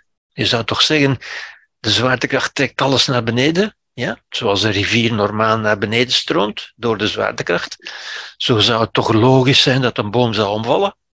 Ja, waarom valt die niet om? Wel omdat hij wil, omdat er een leven in zit, zou ik zeggen. Ja. Goed. um, Adler had wel oog natuurlijk voor de sleutelrol van vroege levenservaringen in de vorming van wat hij een levensstijl noemt. En daar zie je weer dat woordje stijl natuurlijk. Hè. Hij heeft zich geïnspireerd op Nietzsche natuurlijk. Ja. Um, een stijl is een beetje een levensplan, een cognitief landschap noemt hij het ook wel eens. Ja. Het is een manier van leven, de manier waarop je, ja, zoals een kunstenaar vorm geeft aan, aan, zijn, aan zijn verf of aan zijn noten, en daar iets van maakt in een herkenbare stijl. Mozart kun je altijd herkennen, Bach ook. Wel, dat is een stijl, zou je kunnen zeggen. Zo maakt ieder ook een soort levensstijl, die we ook aan mensen herkennen. Ja? En daaruit ontstaat een interne betekeniscontext, dat wil zeggen een wereldbeeld natuurlijk. Hè? Dat we zeggen een filosofisch idee, een theorie, een gezichts, een zienswijze over de wereld, over de anderen, over de samenleving enzovoort. Ja? De eerste levenservaring, en daar heeft Adler toch wel de nadruk op gelegd, die eerste levenservaring, die bijdraagt tot de vorming van die levensstijl. Wel, die eerste levenservaring is toch die totale afhankelijkheid van een mensenkind, die machteloosheid, die hulpeloosheid, die inferioriteit. Ja? Dat kind dat ziet dat het alles moet krijgen en dus in een totaal inferieure positie staat. Als je alles moet krijgen en niks kunt, dan ben je in een inferieure, een inferieure positie. Een positie van wat hij noemt cognitieve openheid, wat ik een veel beter woord vind dan bijvoorbeeld kwetsbaarheid. Je bent niet kwetsbaar, maar je neemt wel veel op. Ja? Die cognitieve openheid. Ja? Door afwezigheid van cognitieve kaders. Ja? Omdat een kind nog niet de mogelijkheid heeft van te gaan discussiëren van te zeggen, is dat wel waar? Een kind neemt, absorbeert passief alles wat in de omgeving gezegd wordt. Wat ouders zeggen, maar ook wat, wat andere mensen zeggen enzovoort. Dus die cognitieve openheid, dat cognitieve spons zijn, zou ik bijna zeggen. Wat natuurlijk geen kwetsbaarheid is. Ja, het, wordt niet gekwetst. Bewustzijn kun je niet kwetsen doodgewoon. Ja. Maar je kunt het wel formateren. Je kunt er dingen in stoppen. Ja, Daardoor blijft het geheel, het wordt daardoor niet gekwetst, maar je gaat wel dingen geloven. Je gaat dingen geloven omdat je als kind die dingen hebt opgenomen, bepaalde dingen bent gaan geloven. Ja? Dus je wordt gevormd, geformateerd, niet bepaald, maar wel beïnvloed. Ja? Dat neemt ook je vrijheid niet weg. Maar vrijheid is natuurlijk iets wat je pas, waarvan je pas later bewust wordt. En die er ook altijd nog is, die niemand kan wegnemen. Ja? Bewustzijn ontstaat door de externe context. Dat is ook iets wat Levinas later ook zal zeggen. Door het contact, door eigenlijk, door de verstoring, door de externe context. Door die cognitieve openheid eigenlijk, ja. Wat gezegd wordt, ook zo'n belangrijk idee in feite, wat, wat je tegen kinderen zegt, wordt vaak hun interne stem. Ja? En als je tegen kinderen op een of andere manier zegt, of dat nu met woorden gezegd wordt, of dan wel of het getoond wordt door, door wat er gebeurt, als je bijvoorbeeld toont, je op een bepaalde manier gedraagt, kan dat kind gaan begrijpen dat het niet geliefd is, dat het niet goed genoeg is, bijvoorbeeld. Ja? Dat het afgewezen wordt. Dat is geen kwetsuur, maar dat wordt wel een geloof, natuurlijk. Dat wordt de interne stem van dat kind. Dat zijn mensen die tot op, hoog, tot op hogere leeftijd die stem horen van, van je bent niet goed genoeg, je kunt dat niet aan, je bent het niet waard en en zo verder. Die interne stemmen die uiteindelijk uit de buitenwereld aanvankelijk komen. Ja? Het ik is aanvankelijk bij een kind een personage in een verhaal van anderen. Daarmee wil ik zeggen, een kind gelooft wat anderen over hem zeggen ja? of over haar zeggen. Een kind gelooft dat omdat het niet anders kan. Ja. Oké, de mind, de psyche dus, het bewustzijn zeg maar, is geen statische entiteit. Dat is niet iets dat vast is, dat een bepaalde vastheid heeft. Het is veel eer een activiteit, een beweging, een, een, een stroming, een, als een wolk, zou je bijna kunnen zeggen, die voortdurend verandert, die buitengewoon soepel en beweeglijk is, eigenlijk. Ja? Het belang van compensatie, dat is wat Adler ook zegt, die compensatiedrang ontstaat als gevolg van die inferioriteit.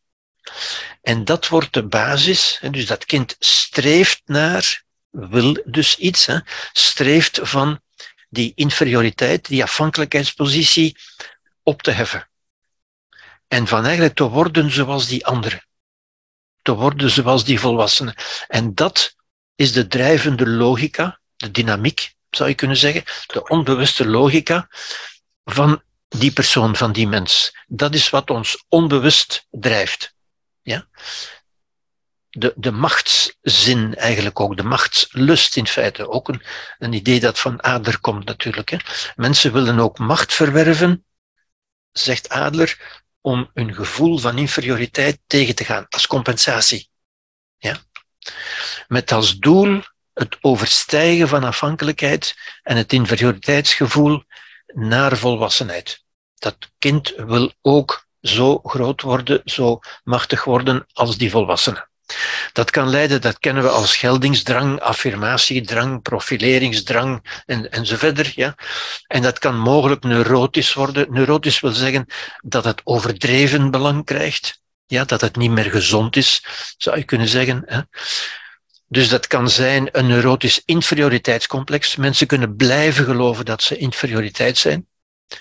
Of het kan doorschieten naar een superioriteitscomplex. Ja?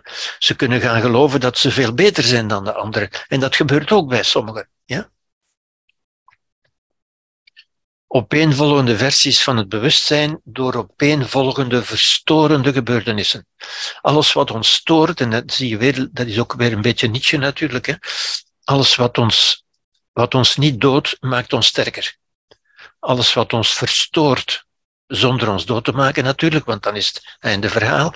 Maar als het ons niet doodmaakt, kan het een bron zijn om te gaan nadenken, om te gaan filosoferen, om onze denkinstrumenten te gebruiken en om er groter van te worden. Ja, dat kan. Niet noodzakelijk, niet automatisch, maar dat kan. Ja. En dat wordt ons te weinig gezegd natuurlijk. We zijn veel te veel bezig met die angst voor, voor kwetsbaarheid en, en zo verder. We leven veel meer in een kwetsbaarheidsdiscours dan in een, dan in een ontwikkelingsdiscours. Ja? Er zijn zoveel versies als er contexten zijn waarin men terechtkomt. Ja. Goed. Overlevenservaringen, waarover Adler het dus heel veel had. Um, even kort uh, schematisch voorgesteld. Dit zijn wij, laten we zeggen. Wij ondergaan, wij nemen in ons op uit de buitenwereld.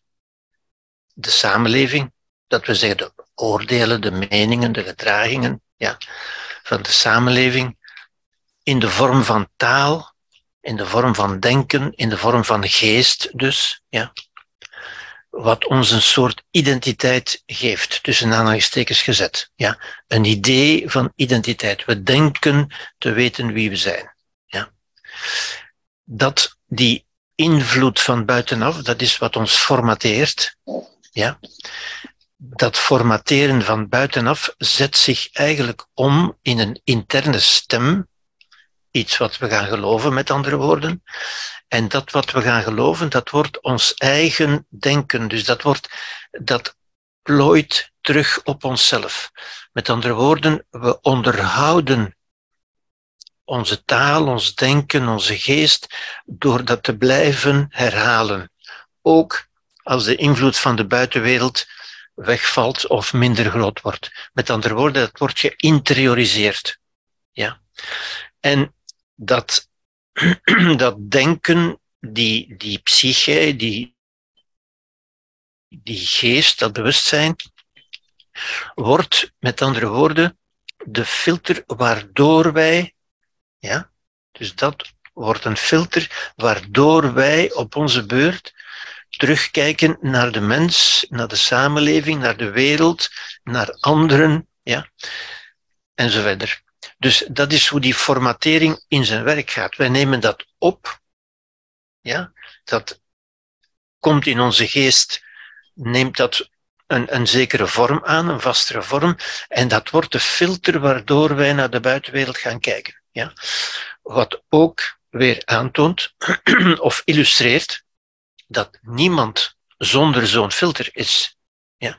Niemand ziet de buitenwereld zoals ze is, want we zijn allemaal geformateerd in een bepaalde cultuur, door een bepaalde taal, door bepaalde mensen, door bepaalde omstandigheden en zo verder. Ja. Goed. Weinigen worden groot in de gemakkelijkheid, de veiligheid en het comfort. Ja. Ook een belangrijk idee natuurlijk. Hè. Alhoewel we allemaal streven naar gemakkelijkheid, naar veiligheid en naar comfort, keert zich dat tegen ons, want daar leren we niet veel van. Ja. Velen die in de gemakkelijkheid, de veiligheid, de geborgenheid, de stabiliteit en het comfort, maar ook de saaiheid en de afgeslotenheid van een ideaal, modern, hedonistisch, warm kerngezin zijn opgevoed, die dus ogenschijnlijk een goede jeugd hebben gehad, brengen er helaas weinig van terecht en worden fragiele, kwetsbare, zogezegd kwetsbare en hulpbehoevende wezentjes. Men wordt daarentegen groot, en dat is ook wat Nietzsche gezegd heeft en wat Adler dus ook zegt, men wordt groot in de moeilijkheden en de uitdagingen. Dat prikkelt ons, dat scherpt ons denken aan, daardoor groeien we eigenlijk. um, psychopathologische theorieën, dat zijn theorieën, denkbeelden die mensen hebben, die de samenleving heeft, om te verklaren waarom mensen zich, laten we zeggen, ongewenst gaan gedragen. Noemen dat dan makkelijk pathologisch, en als dat pathologie van de geest is, is dat psychopathologisch natuurlijk. En met andere woorden, waarom gedragen mensen zich raar? Ja. Um, een eerste theorie is het psychodynamische model. Het model van heling en herstel. Ja. Dat is het kwetsbaarheidsdenken. Ja, dat, dat, als ik dat woord uitspreek, dan begrijpt u dat is heel sterk aanwezig tegenwoordig. Hè. Waar verstoringen, en verstoringen kan van alles zijn, en dat wordt heel vaak trauma's genoemd. En die kunnen zijn prenataal, voor de geboorte, bij de geboorte, seksueel, fysiek, affectief enzovoort. Alles wat ons kan verstoren, met andere woorden, en dat wordt tegenwoordig heel snel trauma en kwetsuur en zo genoemd. Ja? Alles wat stoort, is oorzaak van emotionele schade, letsels, krenkingen, wonden, kwetsuren enzovoort. Zie je, dat is de theorie, dat is hoe er vaak over gedacht wordt. Dat is dus eigenlijk een mensbeeld, een filosofie. Dat is geen realiteit, dat is niet bevestigd in de realiteit. Dat is wat we denken, wat we geloven, collectief. Ja? Wat ook wetenschappelijk, of althans door wetenschappers, geloofd wordt. Ja? Oorzaak, dus, en u ziet, hier spreekt men over oorzaken, want dit is de zogezegd wetenschappelijke theorie, die, die die eigenlijk niet echt wetenschappelijk is, maar die door vele wetenschappers wordt aangenomen, ja, door een groot stuk van de medische wereld ook. Ja. Daar denkt men in termen van oorzaak, want wetenschap denkt in termen van oorzaak. Ja. Oorzaak van emotionele schade en zo verder die opgeslagen worden. En u ziet, ik heb een aantal dingen tussen aanhalingstekens gezet. Opgeslagen, want dat is iets wat men gelooft, dat is nergens nooit aangetoond. Die opgeslagen worden in het lichaam of in de cellen. En in de cellen klinkt natuurlijk wetenschappelijk, ja. Maar dit is nooit wetenschappelijk aangetoond. dit is ook niet aan te tonen. Ja. Het is een geloof opgeslagen in het lichaam. Het lichaam is ook al zo'n abstract concept. Wat, wat is dat eigenlijk, het lichaam? Ja. Die veel tijd nodig hebben om te helen. Die littekens kunnen nalaten. Ja. U kent al die uitspraken natuurlijk. Ja. En die als onbewuste emotionele krachten werkzaam kunnen blijven. Mensen zeggen dat, ja, dat werkt nog altijd, dat is, dat is het dynamische aspect. Dat dat krachten zijn die nog werkzaam zijn, onbewust, en oorzaak kunnen zijn van probleemgedrag. Dat is volgens dit denkmodel, en dat is wat het is, een denkmodel, een theorie, ja, is dat de oorzaak van probleemgedrag. Ja, dat is één een, een, een vrij uh, invloedrijke psychopathologische theorie. Ja. U zult natuurlijk gehoord hebben, of u zult al doorhebben, dat ik die niet aanhang. Dat is de traditionele theorie, zoals ze door Freud en zijn school uh, geformuleerd is geweest. Ja. die redelijk is. Het zou kunnen. Ja? Ik zeg niet dat het onmogelijk is, men kan ook niet aantonen dat het niet kan. Het is alleen niet aangetoond. Men moet het niet wetenschappelijk noemen, omdat het niet wetenschappelijk aangetoond is. Het is een geloof, een overtuiging, een zienswijze. Er is een andere, die volgens mij moderner is natuurlijk, hè, dat is de, twee, de tweede psychopathologische theorie, die, zegt, die spreekt over dezelfde dingen, dezelfde waarnemingen. Ja? Want er zijn inderdaad dingen die ons verstoren, dat is duidelijk, dat is een waarneming. Waarnemingen kan niemand betwisten, zou ik zeggen. Ja? Dat is het informatieparadigma, niet het psychodynamische model, maar het informatieparadigma. En dat zegt dat verstoringen, die er zijn, natuurlijk, hè, dat is duidelijk. Er zijn dingen die ons verstoren, die niet aangenaam zijn, enzovoort. Maar die leiden niet tot wonden of kwetsuren, maar wel tot conclusies, overtuigingen, voorstellingen. Tot ideeën, met andere woorden, opvattingen. Ja? Als een onbewuste cognitieve kaart. Dat wil zeggen, het is een filosofie. Er zijn geen wonden of kwetsuren. Er, is wel, er zijn wel overtuigingen. Een cognitieve kaart, een filosofie, met andere woorden. Ja? Die als een aangeleerde moedertaal is. En dat vind ik een belangrijk woord, ja? want daarmee geef ik aan een, een moedertaal die zit niet vast in je lichaam of zoiets, of in je genen of waar dan ook. Die zit gewoon niet vast. Ja? Dat is een geheel van afspraken, van vaardigheden, maar die u toch nooit meer kwijtraakt. Omdat ze in uw geest blijft zitten, niet in je lichaam, niet in de cellen, maar wel in je geest. Ja? Een moedertaal, en dat kunt u zelf makkelijk vaststellen, een moedertaal, zelfs uw moederdialect eventueel, daar raakt u nooit helemaal vanaf. Ja? En dat is precies wat Adler ook een levensstijl noemt. Een manier van u uitdrukken. Uw taal is als een levensstijl. Ja? Ook uw lichaamstaal kunt u als een levensstijl zien. Een manier van zijn. Ja? Die, maar die bewust gewijzigd kan worden.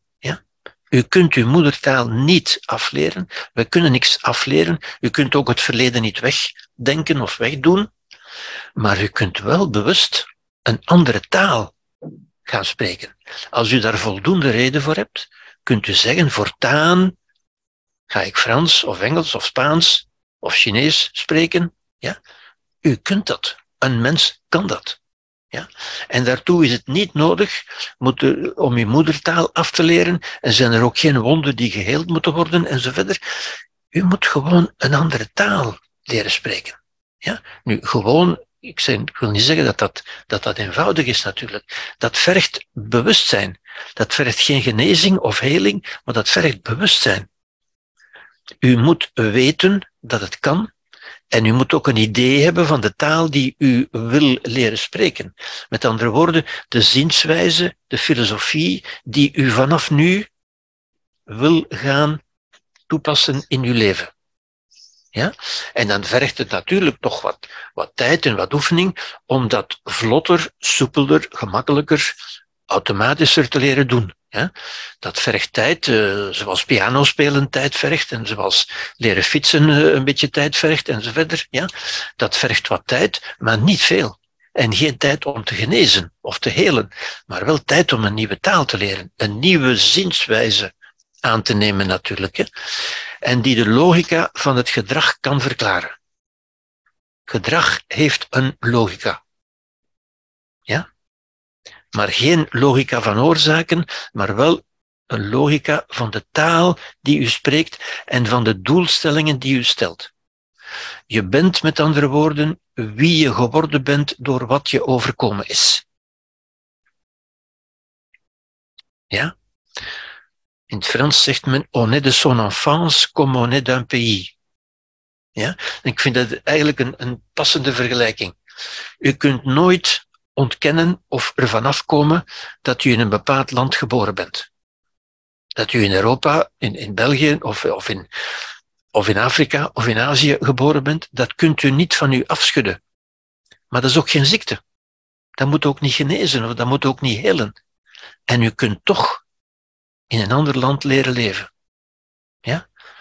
U bent van uw land, u, u bent van uw kindertijd, zoals u bent van een bepaald land. Dat, dat is nu eenmaal waar u opgegroeid bent. Maar u kunt in een ander land gaan leven, u kunt een andere taal leren spreken. Ziet u, dat is Sartre. Hè? U kunt u bewust worden van uw vrijheid. U bent zo vrij als u zich bewust bent van uw vrijheid. Als u gelooft dat u geen vrijheid hebt, ja, dan bent u ook niet vrij. Maar als u gaat inzien, en daar kan Sartre ons bij helpen natuurlijk, en zoveel anderen, dat u die vrijheid hebt, dat die er werkelijk is, dan kunt u die ook gaan gebruiken. Ziet u, vrijheid is iets wat we moeten verwerven. Niet iets wat er is of wat er niet is. U moet daarover niet discussiëren. Het is een mogelijkheid die u kunt realiseren. Ja? U begrijpt dat dit de taal is die, die ik die ik voor mezelf, die ik ook aanprijs natuurlijk, omdat die ook zo menselijk is en die eigenlijk ook aanwezig is in al die filosofen die ik u besproken heb, van bij Aristoteles tot bij Kant uiteindelijk. Ja. En dat was ook het doel. Dat was ook mijn doel om die filosofen te bespreken, om aan te tonen dat dit een denkmodel is dat niet nu is uitgevonden door mij of door iemand anders, maar dat eigenlijk ook al lang in de mensheid aanwezig was. Dit is een vorm van wijsheid natuurlijk. Ja? Een manier van kijken die in, in mijn mening de mens meer recht aan doet. En dus in die zin een humanisme is. In de zin van het humanisme van Sartre. Sartre heeft gezegd dat existentialisme is een humanisme. Dat wil zeggen, dat legt de nadruk, dat eert de mens in zijn mogelijkheden. Ja? Adler zei dus, ik, ik heb het al gezegd, dat gedrag niet kausaal bepaald wordt door het verleden, maar intentioneel doelgericht is, toekomstgericht met andere woorden. U doet iets en ik nodig u uit van daarover na te denken, want zo, zo, zo wordt dat een realiteit voor u. Ja? Omdat u iets wil bereiken. Niet omdat dat veroorzaakt wordt. Maar omdat u iets wil bereiken. Dat is doelgericht, toekomstgericht. Ja? Niet, de vraag is dus niet wat heeft dit gedrag veroorzaakt. En toch is dat de vraag die permanent in psychiatrische structuren wordt gesteld. En ook ja, spontaan bij de mensen. Men gaat, men gaat bijna spontaan kijken naar wat in het verleden heeft dat gedrag veroorzaakt. Ik zou zeggen dat gedrag is niet veroorzaakt. Wat wil die mens? Wat moeten we dan wel vragen? Wat wil dit gedrag? Ja? Het voorbeeld dat ik altijd geef, en u kent het natuurlijk, als een klein kind aan de kassa van de supermarkt een bonbon niet krijgt, werpt hij zich op de grond en die begint te brullen. En ze doen allemaal hetzelfde. En nu moet ze dat niet voordoen. Is daar een oorzaak? Heeft dat kind acute pijn? Is dat ziek geworden? Heeft dat een tekort aan bonbon? Zou u moeten zeggen nee, er is geen oorzaak. Er is wel een doel dat kind wilde iets. En dat kind wil dat nog. En dat kind hoopt dus ook dat lijden, en dat is een echt lijden, hè, heeft een doel. En wat is het doel? Onbewust. Hè? Ik zeg niet dat dat kind dat bewust doet. Zeker niet. Ja? En ook volwassenen lijden niet bewust natuurlijk. Maar toch moet u zeggen, het heeft een doel. Wat is het doel? Van dat kind is het doel die bonbon toch nog te krijgen. Ja? En dat kind denkt daar niet over na, doet dat niet bewust. Dat zit onbewust in ons in. Maar ziet u, dat is een onbewust doel, geen onbewuste oorzaak. Er is niets wat dat lijden van dat kind veroorzaakt heeft. Behalve het feit dat hij iets wilde. En dat is iets in de toekomst. Ja? En u kunt alle lijden van mensen zo begrijpen, in feite. Ja? Mensen hebben een doel. Ze willen iets bereiken. Ja? Waartoe dient dit gedrag? Wat wil ik eigenlijk bereiken? En ik heb al meerdere malen meegemaakt dat als ik dat aan mensen in begeleiding duidelijk maak en als mensen dat snappen, ja, dat ze dan eigenlijk ook meteen stoppen met lijden, want dan snappen ze dat het eigenlijk absurd is. Ja. Omdat ze snappen dat ze dat doel nooit zullen krijgen. En dat is natuurlijk iets wat een volwassene moet begrijpen. Je kunt veel willen, er kan veel in u gewild worden, maar een volwassene begrijpt en aanvaardt dat je veel van je verlangens, dat die niet vervuld zullen worden. En daar kan een volwassene mee leven. Dat wil zeggen, een volwassene kan daar vrede mee maken. Dat wordt daardoor niet fijn, maar een volwassene kan daar vrede mee maken. Algemeen kunnen we zeggen, wat wil dat gedrag? Algemeen streven naar vervolmaking, naar meer, naar meer genot, naar meer ontplooiing, meer vrijheid, meer geluk. Dat is het algemene streven. We streven naar meer leven, eigenlijk. Ja? Naar, een, naar een completer bestaan, zou je kunnen zeggen. Ja? Concreet uitzicht dat in behoeften en verlangens, zoals die door Maslow en dat is het grote belang van Maslow eigenlijk. Ja. En daar komt Maslow in beeld. Ja. Zoals die door Maslow um, um, voorgesteld zijn, zou ik zeggen. Maslow heeft dat goed begrepen. Ja. En die behoeften en die verlangens zijn eigenlijk vormen, uitingen van die algemene wil tot leven, van dat streven naar vervolmaking, naar ontplooiing, naar vrijheid, naar geluk uiteindelijk. Ja? Maar dat uitzicht, bij een klein kind uitzicht dat door die wil om die bonbon te hebben, ja? want die bonbon is, is een plezierige smaak natuurlijk. Ja? Bij volwassenen uitzicht dat door andere, door, door andere behoeften die eigenlijk verlangens zijn, zou ik moeten zeggen. Ja? Het zijn geen behoeften in de zin dat u niet doodgaat als u ze niet hebt. Daarom zijn het meer verlangens uiteindelijk. Ja. Tegenover Freud, dat is een beetje tegenover Freud. Ja. Freud, uh, en in de zin Adler, dat, is natuurlijk ook het conflict met Freud. Freud kon niet verdragen dat uh, Adler niet alles seksueel wou zien. En ziet u, dat is een conflict tussen ideeën. Niet tussen mensen, die zijn niet beginnen vechten of zo, maar het waren incompatibele ideeën. Ja? Freud kon dat niet verdragen, dat zijn, dat zijn theorie in, in twijfel werd getrokken. Dat is met al zijn leerlingen zo gegaan, uh, ook met Jung uh, en, en, en nog met anderen natuurlijk. Tegenover Freud zou Adler zeggen, seksualiteit is wel belangrijk, dat is belangrijk, maar niet alles bepalend, zoals Freud het dacht. Ja? Freud was niet zozeer helemaal verkeerd, maar wel te zeer gericht, te eng gericht op seksualiteit, zou je kunnen zeggen. Ja? En Adler heeft daar, denk ik, een, een, een goede aanvulling bij gegeven, die helaas niet zo bekend is geraakt. Ik weet ook niet waarom, in feite. Waarschijnlijk heeft hij niet zo'n goede marketing gehad als Freud. Dus humanisme in plaats van seksualiteit, zou ik zeggen. Ja? Seksualiteit is een deel van humanisme, maar humanisme is een ruimer beeld dan alleen maar alles op het seksuele betrekken. Ja. Adler wijst dus ook op het belangrijke, de verantwoordelijkheid. Ja. Vooral ook bij opvoeding en ook bij therapie natuurlijk, want therapie is een soort voortgezette opvoeding natuurlijk. Therapie is ook niet genezen of helen, maar is een soort voortgezette opvoeding. Het aanleren van een meer volwassen taal uiteindelijk. Ja?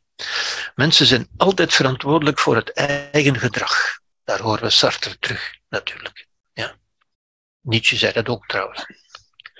Een opvoeder is verantwoordelijk voor zijn optreden maar niet voor het gedrag van degene die hij begeleidt. Ja? Duidelijk door Adler zo gesteld. Ja? Zoals een therapeut verantwoordelijk is voor zijn optreden, de therapeut is verantwoordelijk voor zijn gedrag, maar niet voor het gedrag van degene die hij begeleidt. Wat de ander ermee doet, daar ben je niet verantwoordelijk voor. Want, Sartre, de ander is ook een vrij mens. Hij is vrij om dat aan te nemen of niet. Hij is dan ook vrij om er de gevolgen van te dragen, natuurlijk. Ja. En vele mensen kunnen best geholpen worden door ze niet te helpen. Ja. Want veel van dat helpen bevestigt mensen, dat is moederlijke functie natuurlijk, bevestigt mensen in hun vermeend onvermogen en, en houdt die toestand, de slachtofferdenken en zo verder, eigenlijk mee in stand. Door daar begrip voor te hebben, wat in eerste instantie zo menselijk lijkt, wordt het in feite mee in stand gehouden. Ja. En dan is het niet meer zo menselijk natuurlijk.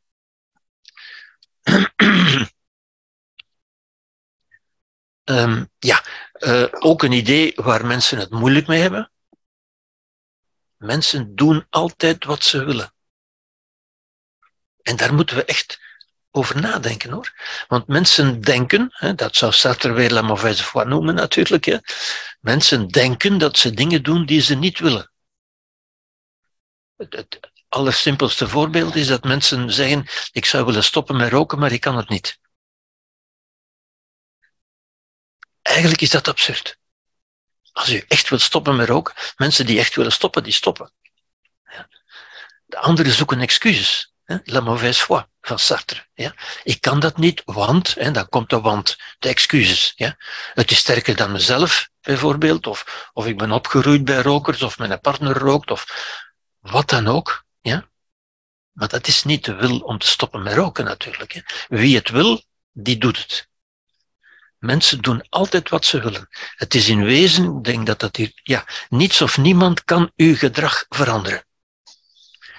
Zeer frustrerend voor, voor opvoeders of voor therapeuten, die graag het gedrag van de ander zouden veranderen. Ja? En dat lukt niet. Men kan dat niet. Ja? Men kan de ander uitnodigen, men kan hem proberen te verleiden, men kan hem proberen te motiveren, maar als de persoon zelf het niet wil, dan kan niemand dat doen. Ja? Niets of niemand is sterker dan uzelf.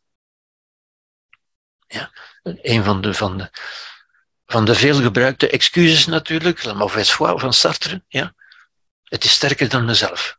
Ik zou het wel willen, maar het kan niet, want het is sterker dan mezelf. En ziet u dat woordje wel. Ik zou het wel willen. Je voudrais bien in het Frans. Ja? Ik, ik zou het wel willen. Maar dat is niet hetzelfde als ik wil het. Dat is, ik zou het wel willen. Bijna, ik zou willen dat ik het wilde, is dat bijna. De makkelijkste manier om het verleden los te laten, zogezegd tussen aanhalingstekens, ja, want het verleden is uiteindelijk al los natuurlijk, is zich te richten op een waardevol doel in de toekomst. Als u zich richt op de toekomst, wel, dan wordt het verleden sowieso minder belangrijk. En dan beseft u ook, het verleden was al los. Het heeft u niet vast, u hebt het niet vast. Het is al het, is al het verleden. U bent het die het vasthoudt, ja. Vaak met het excuus van, ja, maar ik heb geen waardevol doel, ik heb geen toekomst meer, want ze hebben mijn toekomst afgepakt. Zie je, weer die excuses, ja. Niemand kan uw toekomst afpakken. Niemand. Ook dat is Sartre natuurlijk, de radicale vrijheid en verantwoordelijkheid. Dat geldt ook bij verslavingsgedrag en suicidaal gedrag. Ja. En soms zijn die, zijn die uh, excuses zo doorzichtig, hè, van ja, maar ik kan daar niet mee stoppen, want ik ben verslaafd. Ah, en hoe, hoe weet u dat u verslaafd bent? Ah, omdat ik niet stop. En waarom stopt u niet? Ah, omdat ik verslaafd ben. Zie je? Een kringetje een cirkeldenken, ja? Wat mensen niet doorhebben. Nee, ik kan daar niet meer stoppen, want ik ben verslaafd. Ja, maar waarom ben je verslaafd?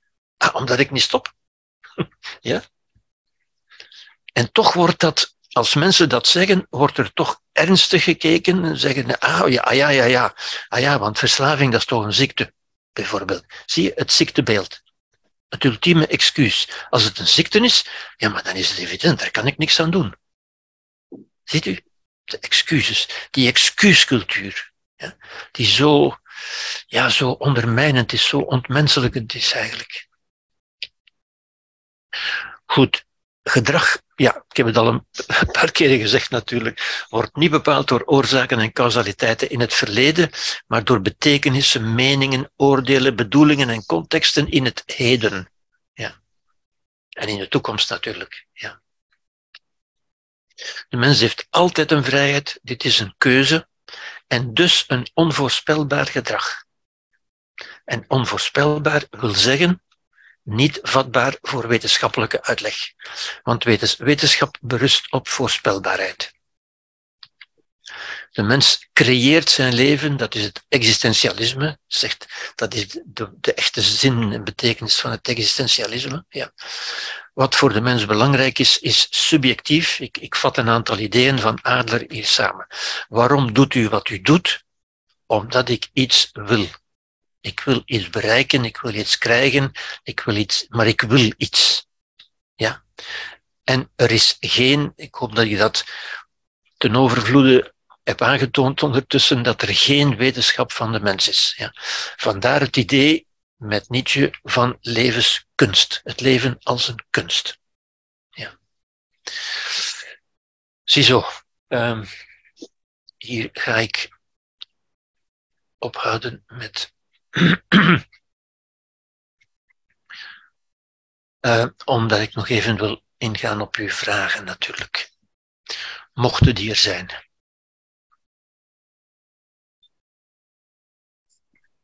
Edith.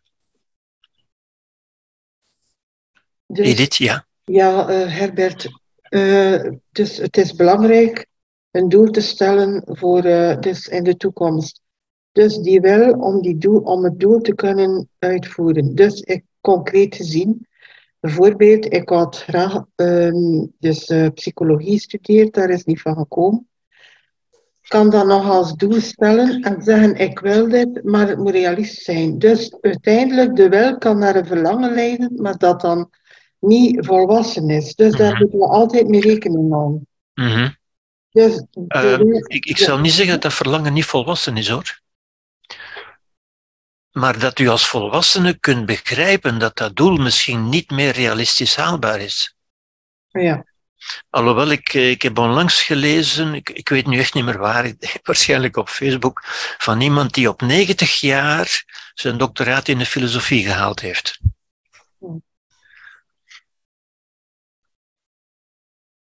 Ik zelf heb ook zo gedacht hoor. Ik ben, ik ben ook op latere leeftijd geneeskunde gaan studeren. En ik, ik, ik heb ook lang geloofd van ja, dat kan niet meer, dat, dat, is, dat is te laat en zo verder, want ik had al andere studies gedaan. Tot ik op een bepaald moment beseft heb, ik weet, ik weet ook niet meer hoe, op een bepaald moment ben ik mij gaan realiseren van ja, maar als ik dat nu echt wil, dan kan ik dat wel. Er zijn natuurlijk gevolgen aan dan. Maar als ik het echt wil, dan moet ik geen excuses meer zoeken. Dan kan ik het wel en dan kan ik nu beginnen. En ik heb dat ook gedaan dan. En zie je dat, dat die bewustwording, dat is een abstract idee in je bewustwording. Dat is een stap naar vrijheid, maar dat is allemaal abstract hè, in je bewustzijn. Hè. Er is in de wereld niks veranderd. Tenzij dat ik geloofde dat dat niet meer kon en dat ik daarna ben geloven dat het wel kon. Maar ik ben gaan geloven dat ik een parallelpad uh, bewandel met de lectuur. Ja, ja, ja, ja. En dergelijke meer, ja. Ja, ja, ja. Oké. Okay. Maar ik heb het begrepen wat u bedoelde. Ja, ik denk het wel. Hè. Nu, dat, natuurlijk, het, het, is realiteit en, en dat is een volwassene begrijpt de realiteit. Hè. Naarmate je ouder wordt, zijn er keuzes die, niet meer, die er niet meer zijn. Hm? Je kunt, uh, als je 60 jaar bent, kun je geen kinderen meer maken, bijvoorbeeld. Dat is een biologische wet. En, en uh, een volwassene kent dat, weet dat en aanvaardt dat. Okay, ja. ja, inderdaad. Ja als ik bewoner zou zijn van uh, in Turkije en ik ben heel mijn hebben en houden kwijt, uh, heel mijn familie, mijn werk en zo meer, dan denk ik dat ik, dan is mijn lijden toch een heel, toch, toch een voor de hand liggend iets. Ja, ja inderdaad. De hand. Dat zal niemand tegenspreken. Ja. Maar het is niet omdat het voor de hand liggend is dat het de enige mogelijkheid is. Maar ik, ik ben er natuurlijk mee eens. Hè. In, in dat soort extreme omstandigheden, hè, dat zijn nog geen dagdagelijkse gebeurtenissen natuurlijk, maar in dat soort omstandigheden heb je ook een extreem bewustzijn nodig natuurlijk. Ja? Zoals Victor Frankl het had in, in de Holocaust. Hè? Ja? Mm. Of zoals Mandela in, in, in de gevangenis, 27 jaar. Ja. Maar in principe is het mogelijk. Ja. Nou, Dat zijn, dat zijn extreme omstandigheden waarvan de meeste mensen een lijden zullen maken, maar waarvan je ook, waarmee je ook op een andere manier kunt omgaan. Ja. Ja. Maar als je zegt bijvoorbeeld, eh, ik ben alles kwijt, dat is, dat is gewoon niet waar. Hè? Je bent veel dingen kwijt, je bent alles kwijt wat niet jij bent. Alles wat je niet bent, ben je dan kwijt. Ja. Maar het belangrijkste ben je niet kwijt. Je eigen hoofd. Maar dat vergt inderdaad dat soort bewustzijn. Hè? Om, om dat te beseffen natuurlijk. Ja, wat versta je onder authenticiteit? Dat is een vraag van Anne ook. Dat is inderdaad een moeilijk woord natuurlijk. Hè? Ehm, Heidegger en ook Sartre bedoelt daarmee een leven dat je zelf gekozen hebt. Dat niet het leven van, uh, van, van de, hoe zou ik het zeggen, de, de betreden paden is. Dat je heel bewust gekozen hebt.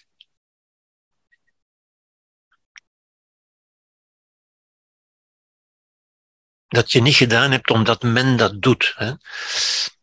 Heidegger noemt dat das man, het, het men. Men doet dat nu eenmaal zo. Ja. Le on in het Frans, bij Sartre. Bedoel je, gisteren, ik weet niet of jullie dat gezien hebben op de televisie, waren er drie mensen die aan het woord werden gesteld om eh, te spreken over een eh, functie die ze een werk die ze opgegeven hebben, Ja. een goed betaalde functie, Ja, eh, ja, ja. maar eh, om meer een eh, ecologisch verantwoorde functie te nemen, weliswaar veel minder betaald en eh, met repercussies op hun dagelijkse leven, maar eh, eh, dat is toch wel ook, eh, ja, zou je dat kunnen en authentiek noemen, want de mainstream zegt geld, geld, geld, geld, Ja, geld. ja, ja, inderdaad. En de Absoluut. Ja, ja, ja. en, eh, Zeker, zeker. en Die mensen hebben gaan inderdaad heel bewust, ja. ja. dus- heel bewust een keuze gemaakt die Ja. tegen het, Ja. het normale denken, tegen het men, hè, zou kunnen zeggen, dat, dat doet men toch niet. Hè? En ze hebben gezegd, nee, ik doe dat wel. Hm. Dat is wat, wat Heidegger bedoelt en Sartre ook eigenlijk, ja. Linea, ja. Dat is leven naar je waarden. Ja, inderdaad, inderdaad. Inderdaad, helemaal. Maar dat vergt natuurlijk dat je over je waarden hebt nagedacht. Hè? En dat je niet alleen maar doet wat men doet. Leven zoals men leeft. Dat is wat, wat eh, Heidegger het inauthentieke leven zou noemen. Je doet dat eh, om- omdat, omdat iedereen dat doet en je draagt de kleren die iedereen draagt. eh, en, ja. Je gaat op vakantie omdat men dat nu eenmaal doet. ja. Die, die, getuigenis, die, die getuigenis was ook mooi, want eh, hij vertelde ook waarom dat hij daartoe gekomen was van een uitspraak van Greta Thunberg. eh, en die andere Ja. persoon, eh, ja, dat heeft hem, hij zegt ook, dat heeft mij aan het denken gezet en Ja. zo, zo wil ik niet meer leven, ik wil eerder, dus dat is waardegericht. ik vond dat een mooie toepassing. allee, he- heel modeste mensen, maar heel groot in hun keuzes, vind ik persoonlijk. Absoluut. Absoluut. Ja, ja, ja. ja, ja. Ondergewaardeerd in de maatschappij, vind ik. Dan rest mij alleen nog van u afspraak te geven volgende week voor de laatste lezing. Een nieuwe en laatste Ja, lezing, ja, over wetenschap, wijsheid en filosofie, om ons tot nog bewustere mensen te maken. Fijn dat jullie er waren. Een hele fijne nacht.